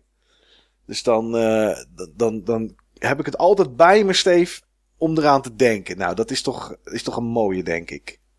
Ja, dat is, ik vind ik een hele eer. Ja, ja. Dus dat wordt de eerste op de wishlist, want ik heb alles wat op het bord staat nog niet daarin gezet, zeg maar. Kijk, Dus, eh, nou, dan gaat het heel goed komen volgens mij. ja, hij staat bovenaan. Niels, ga ik jouw eh, semi-new school eh, hidden gem ook op mijn lijst zetten, of mijn wishlist? Het zou me niks verbazen als je hem al had. Oh, kijk, dat kan- klinkt mij als muziek in de oren. Ik kan het natuurlijk controleren, maar omwille van de tijd ga ik dat niet doen. Oh, je kan het heel makkelijk controleren, inderdaad, maar laten we het, eh, laten we het inderdaad niet doen. Ik dacht, ik kijk wel even op Steam, maar eh, dat gaan we niet doen. Ehm, Steve heeft hem volgens mij gespeeld. Althans, die kende de titel. Het is een eh, nieuwe game. Een van de beste local co-op games die ik in de afgelopen tijd heb gespeeld. Waarin je samen allerlei gerechten moet bereiden onder tijdsdruk. Het klinkt niet als iets dat ik denk, dat heb ik. Oké, het heet... eh, Ja, dat is dat eh, spel wat ze op de Wii... Nee, wat ze op de Switch helemaal hebben verkloot. Ja, of ja, hebben verkloot. Het draait suboptimaal. Het heet eh, Overcooked. Nee, volgens mij, eh, volgens mij heb ik dat niet, Niels. Dus het zegt dat is, dat is groot hoor, Overcooked. Dat is echt hilarisch Overcooked. Overcooked vind ik echt tof. Ja, ik heb het een keer zien spelen door studenten. Dat was op Steam. En die zaten met vieren op een bank op de beamer te spelen. En het, ik hoorde alleen maar: ik ga de, het vlees snijden. Eh, heeft iemand sla voor mij? Eh, de soep is oververhit. Iemand moet de borden wassen. Weet je, dat soort dingen hoorde ik de hele tijd door de ruimte. Het is dat, joh. En eh, toen werd hij inderdaad aangekondigd voor de Switch. En er zat dan alle DLC ook in. En eh, ik heb toch besloten hem eh, maar voor te kopen. Sowieso omdat ik veel controllertjes heb voor dat ding. Meer dan voor de andere systemen waar die op uitgekomen is. Maar goed, het spel kan met 1 tot 4. Ik zou het niet in mijn eentje willen spelen. Vieren weet ik ook niet. Ik heb het idee dat de sweet spot op drie personen ligt. Ehm, je bent alle drie een kok. En je wordt in een keuken neergezet. Je hebt heel veel verschillende levels. Eh, alle DLC zit er ook bij. Dus er komen ook allerlei speciale levels voorbij. Maar eh, elk level heeft een andere layout keuken. In een ander restaurant waar ander soorten bestellingen worden geplaatst.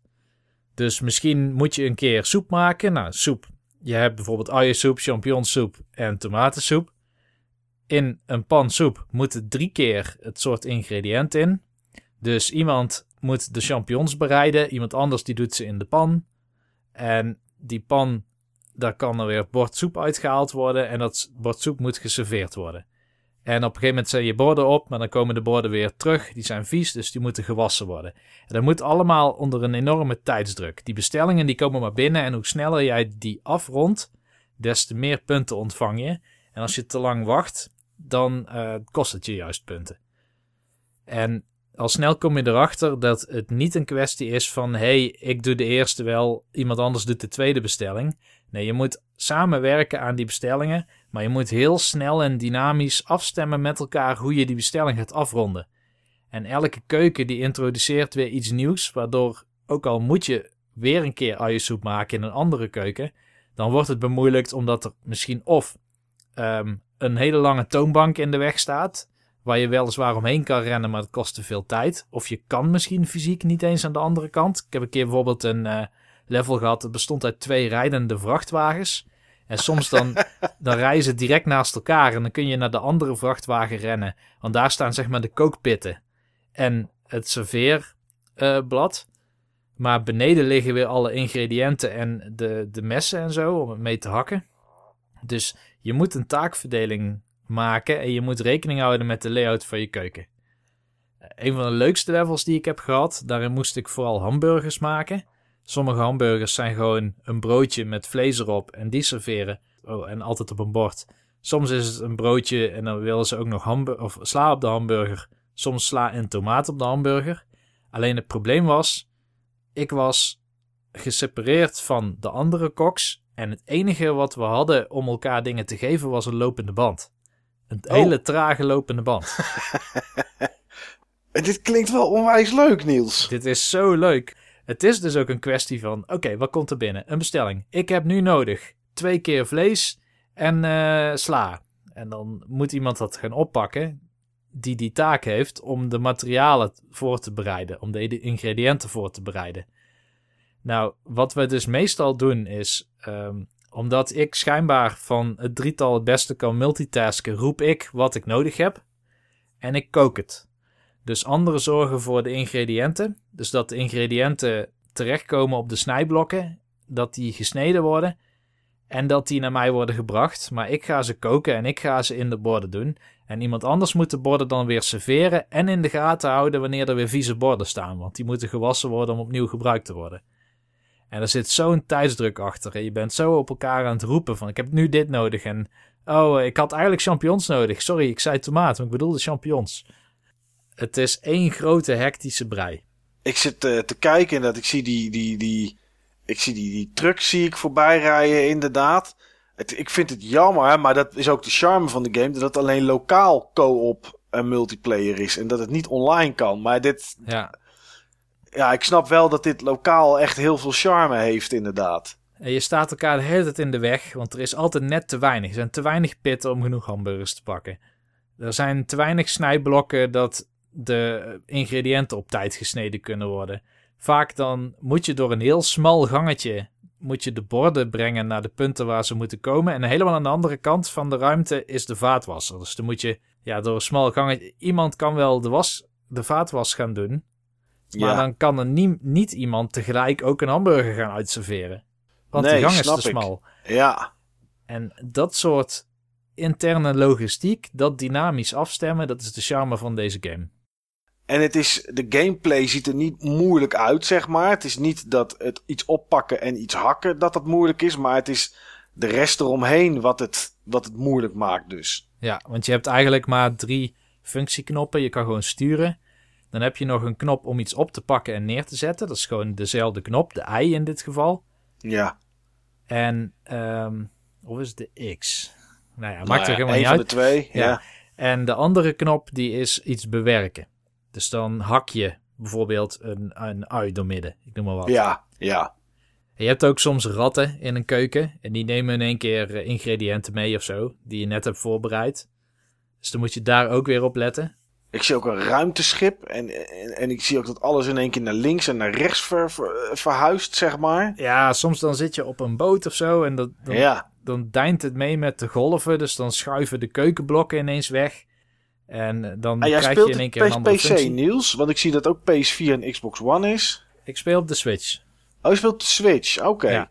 En dat is nou net het leuke, want dit is dus zo'n game. Ik ga dus fysiek. Dit zijn bijna die rooftop parties, zeg maar. Ja. Iemand zegt: Hey, kom je langs? Ja, is goed. En dan neem ik de Switch mee. En die zit ik daar op de stand. Of ik neem ook de dock mee. En dan sluiten we hem aan op de televisie. En dan deel je de Joy-Cons uit en je gaat aan de slag. Het werkt heel goed met de filosofie van de console. Ja, ja, dat snap ik. Ja, want ik zit te denken, als ik dit zou kopen, koop ik het voor PC. Maar ja, dan moet ik dus, dan moet ik dus aan mijn PC moet ik dus drie controllers gaan zitten hangen. Want anders dan, eh, dan werkt het niet prettig. Nee, inderdaad. Komt ook een leuke- eh, fysieke release schijnbaar nog uit later dit jaar voor de Switch. Op PS- Oké. PS4 is hij al fysiek verschenen volgens mij. En ik zag ook allerlei DLC. Overcooked, je hebt ook de Gourmet, gourmet Edition. En Ja. de Lost Morsel. Ik weet niet wat dat is, maar... Ja, in ieder geval in die nieuwste versies op alle platforms zit alle DLC er gewoon in. Oh, de Gourmet Edition zit de game in en zit die DLC in. Dus daar zit het, eh, daar zit het beide in. Ik heb het aan mijn wishlist op Steam toegevoegd. Oké, Heel goed. zo. Dan krijg ik daar mooie mails van als het in de aanbieding is of, eh, of, dat, soort, eh, of dat soort grappen. Leuk man. Ehm, ja, ik heb een game en ik twijfel daar heel erg over. Niet of het een hidden gem is, want ja goed, hij zal wel iets bekender zijn denk ik dan dat Degeneration is. Maar ik vraag me af, ik, ik denk namelijk, maar ik weet het niet zeker, dat ik het ooit al eens een keer in de Game Talk over deze game heb gehad. Maar aan de andere kant denk ik het ook weer niet. En dat is, eh, dat is een beetje lastig. Want daarvoor twijfelde ik of ik het erover moest hebben. De game komt uit 2012. Dat is dan voor de podcast, hè? Dat is voor de podcast, ja. Dat is voor de podcast. Kijk, dan kan ik het er, eh, kan ik het er rustig over hebben. Ehm, jij hebt het wel eens over eh Shin Megami Tensei games, eh, Niels, of Persona. En dan zeg ik altijd, ah, dat, weet je, het klinkt me altijd interessant, maar ik heb eigenlijk nog nooit iets van die ontwikkelaar gespeeld. En dat bleek dus dat dat niet waar is. Ah, ik weet het al. Ja, jij weet het al, Niels. Ja, Nou, dan mag je het zeggen, want ik kijk of je het goed hebt. Catherine. Heel goed. Ja, Inderdaad. Ja, jij kent hem. Ken jij hem, Steve? Ja, ik ken hem ook. Ja, ja, dat... We hebben, het wel, we hebben het wel eens over deze game gehad, maar ik denk dat jij dat niet was. Oké. Ehm, Ik denk dat Niels het wel eens over deze game gehad heeft. zou ja, kunnen. niet, niet in de podcast, toch? Ik heb er mijn twijfel bij of die niet een keer voorbij is gekomen. We hebben het wel eens over... De... Ja, we hebben zoveel opgenomen, joh. Ja. We hebben het wel eens over de game gehad, maar niet op deze manier. Als dat zo is en eh, je zit nu te luisteren en je hebt er al eens een keer iets eerder over gehoord, je hebt hem nog niet gekocht. Waarom? Ik weet, waarom volgens, mij was die, volgens mij was die aflevering met zeg maar ehm, games die bepaalde controverse in zich hadden. Oh, dat zou kunnen. Dat zou kunnen, ja. Nou goed, ik wil het er dan toch nog een keertje over hebben. De reden dat ik, het, ehm, eh, dat, ik het, dat ik deze game op mijn lijstje heb staan is wat ik net vertelde. Dat ik al mijn games nu in een app aan het zetten ben. Dus ik heb letterlijk de laatste eh, weken alle games die ik heb echt in mijn handen gehad. En ook bekeken. En als ik de barcode inscande ook gekeken of de game klopt die die, die, die detecteert. En eh, ja, Catherine zat daar ook tussen. En Catherine is een puzzelplatformer, maar er zit ook een soort dating real-life sim-achtige zaken zitten erin. Je, je speelt Vincent en Vincent heeft een vriendin genaamd Catherine. Maar dat is Catherine met een K. En Catherine met een K, om het maar zo te noemen, die wil graag met Vincent trouwen, heeft ze aangegeven. En Vincent, zoals heel veel mannen, krijgt daar nachtmerries van. En ehm, Vincent zit heel vaak, eigenlijk elke dag, terwijl hij volgens mij toch echt naar school zou moeten, zit hij in een, in een café, in een bar. En daar ontmoet hij Catherine met een C. En daar begint hij een affaire mee. En op het moment dat hij die affaire begint en dat steeds verder vordert, worden de nachtmerries die hij heeft, worden heftiger. En overdag, wat de game speelt, heeft een dag en nacht. Nou ja, echt cyclus kan je het niet noemen. Op een gegeven moment wordt het gewoon nacht. Het is niet echt dat daar een bepaald tijd aan zit. Volgens mij werkt het eerder met een aantal acties die je hebt uitgevoerd. Maar overdag zit je eh, ja, de, hele dag een beetje in een, in een bar, in een café. Eh, een beetje drinken, praten met vrienden. Er staat een arcadekast in de hoek waar je een minigame op kan spelen. En wat hij doet, is, eh, waar je mee bezig bent, is zowel met Catherine met een K als Catherine met een C. Ben je een beetje die relaties aan het onderhouden. Een beetje sms'en. eh, soms komt er één langs. En als de dag over is, dan begint zeg maar de echte gameplay. Althans voor mij. Je hebt natuurlijk mensen die heel hard gaan op dit soort sim-achtige achtige zaken. Maar dan begint zeg maar de echte, echte gameplay. En ehm, dan zit je dus altijd in een nachtmerrie. Eh Vincent gaat slapen en krijgt dan een nachtmerrie. En in die nachtmerrie moet hij omhoog klimmen een toren op. En die toren bestaat uit blokken. En die blokken die kan je naar achter duwen of naar voren trekken. En op die manier kan je, moet je een trap maken om naar boven te komen. En ehm het gaat ook nog eens op tijd, want heel langzaam brokkelt onderaan brokkelt die, eh, die toren af. En eh, ja, des te verder je komt, des te sneller je dat moet doen. En dan moet je dus heel snel denken en puzzelen om blokken weg te duwen, naar voren te trekken, zodat je erop kan stappen en weer naar de volgende kan. En zo moet je dan, eh, zo moet je dan naar boven. Ehm, er zitten ook boss fights in. Dat zijn vaak een soort van grote handen. En die proberen jou dan te grijpen. En dan moet je helemaal snel naar boven, ehm, naar boven zien te klimmen. En dat is eigenlijk de gameplay. Maar er zitten zoveel rare dingen in dat het gewoon. Ja, weet je, de, de voorkant zie je, de, van de hoes zie je Catherine, eh, een blonde, blonde griet met blauwe ogen, echt zo Japans en een stel grote tieten eronder. Want dat is natuurlijk aantrekkelijk. Eh, Vincent zie je 9 van de 10 keer in zo'n grote witte onderbroek lopen. Dus ik vroeg me altijd af wat ze nou in hem zagen, die twee Catherines. Maar goed, eh, dat is de game. En ehm, als je bijvoorbeeld overdag in de, in, de, in, de, in de bar meer alcohol drinkt, dan klim je bijvoorbeeld sneller. Ehm, als je bovenaan komt en je hebt die toren heb je bereikt, dan lopen er allemaal schapen. En die schapen, dat zijn eigenlijk synoniemen voor andere mannen. En die praten dan met je en die hebben het over, over dat ze dood willen. En er zitten soms wat occulte dingen in met bloed. Maar ja, het is, dat is allemaal heel vreemd. Dat, is, dat maakt het een hele, hele aparte game. En ehm, ik wist niet dat van die mensen van dat het hetzelfde ontwikkelaar was als, als Persona. Dat het dat, dat, team, eh, dat dat team was. Maar er zit een jukebox in en daar zit dan ook muziek in. Vanuit de Persona game. Ehm, en wat ik heel goed vind dat ze gedaan hebben in deze game. Is dat ondanks dat je weet dat je maar een game zit te spelen. Je toch een beetje ongemakkelijk voelt als je die andere Catherine met een C aan het sms'en bent. En als je daar een beetje pikantere sms'jes heen en weer gaan. eh, of wat dan ook. En dan komt Catherine met een K die met je wil trouwen. Komt dan ineens binnen in die bar. Dan voel je toch een soort van betrapt. Ik weet niet wat dat is. Het is, eh, ja, dat is, dat is heel apart is dat. Maar ik vond het eh, destijds wel een hele toffe game. En ik denk dat het nog steeds een game is waar je wel eh, mee kan vermaken. Hij is er voor de 360 en voor de PS3 is die uitgekomen. En ja, ik weet niet. Ik vind dit een, een, een aparte game, zeg maar. Maar wel een hele toffe. Heeft, heeft een van jullie hem gespeeld, eh, jongens? Ik heb hem gespeeld, ja. Oh, Echt een hele gave game. Ja, ja, het is eh, apart, maar ja, ik weet het niet. Het is, wat, wat, vond, wat vond jij er het gaafste aan, Niels?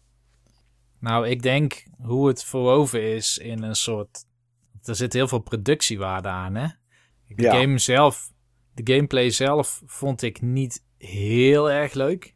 Dat puzzelen, zeg maar. Nee, Nee, dat is uiteindelijk, vind ik, beter gedaan door dat eh Pushmo of zo, of Poolblocks, ik weet niet meer hoe het heet. Die ja, ja, 3DS-titel, zeg maar. Die zijn wat meer gefocust. Ik had het... Beide is goed. In bepaalde regio's heet die pullblocks of pushblocks. Eh, ik weet niet meer wat het eerste deel een sequel is. Een andere heet die pushmo. Oh ja, ja. Maar daar is het wat simpeler gehouden dan in Catherine. Maar ik vond, bij Catherine heb je wel het idee dat je een grotere game aan het spelen bent. Omdat er veel meer progressie in zit. En super creepy en weird. Ja. Ja, dat vooral. Ja, het is, je hebt dat wat overdag zeg maar plaatsvindt, heb je niet het idee dat dat erin gezet is om, om maar iets meer te brengen dan alleen een puzzelgame waarbij je aan het klimmen bent. Nee. Nee, nee, dat klopt. Ja, er zitten ook meerdere eindes aan, afhankelijk van hoe je, welke kant je een beetje opgaat en wat je doet, zeg maar, eh, met, eh, met keuzes die je maakt aan het einde van, eh, van het klimmen. Met die schapen wat je daar dan hebt. En ja, of je meer richting Catherine met een K of Catherine met een C hangt. Dus ja, ik weet niet. Ik vond dit. ik weet ook niet of dat ding schaars is voor de rest. Of ik, ik, ik zie hem nooit ergens, moet ik zeggen. nee, ik weet het eigenlijk ook niet. Dus ik weet eigenlijk niet hoeveel er, eh, hoeveel er hier nog zijn. En of die game ja, makkelijk te krijgen is of niet. Maar ja, ik weet niet. eh vond het gewoon wel eh, een interessante titel. En echt zoiets wat, ja, wat een beetje, een beetje anders is dan, dan wat je standaard tegenkomt. Ja, alles van Atlas is heel stylish en heel verzorgd. Ja, alles. In ieder geval van Mm. dat team. ja, ja, een hoop inderdaad. Een hoop inderdaad wel.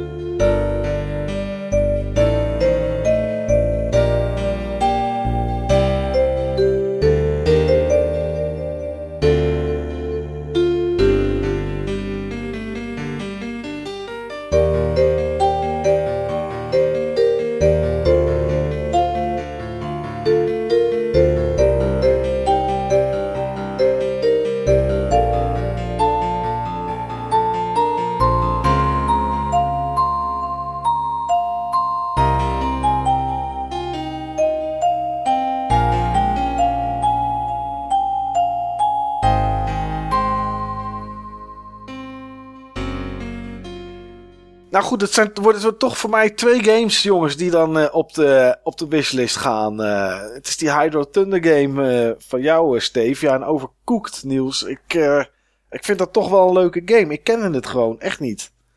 Maar ja, het ik was weet echt dat- een fenomeen. Ja. Ja, dus dat, misschien daarom ook wel geen hidden gem, zit ik net te denken.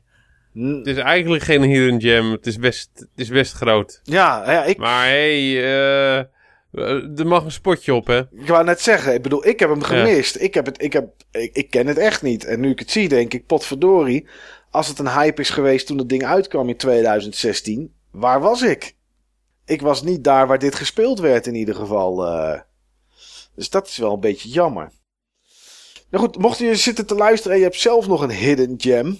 Eh, ja, kom maar op. eh. ik bedoel, ik heb die app unlocked. Ik kan er unlimited eh, games in zetten. Kom maar op met jullie hidden gems. Misschien zit er nog wat leuks bij voor Steve. Of misschien denk je van dit is een hidden gem die Niels een keer moet checken. Nou ja, wie weet voor Hidden Gems 5. Die ongetwijfeld komt. Maar niet meer dit jaar. Dat wordt dan in een Button jaar nummer 5. En eh, nou, dat duurt nog eventjes. Maar dichterbij is denk ik Button Bashers aflevering nummer 79. De volgende. En eh, ja, ik hoop dat we je daar weer mogen verwelkomen. In ieder geval bedankt voor het luisteren naar deze aflevering. En tot de volgende keer.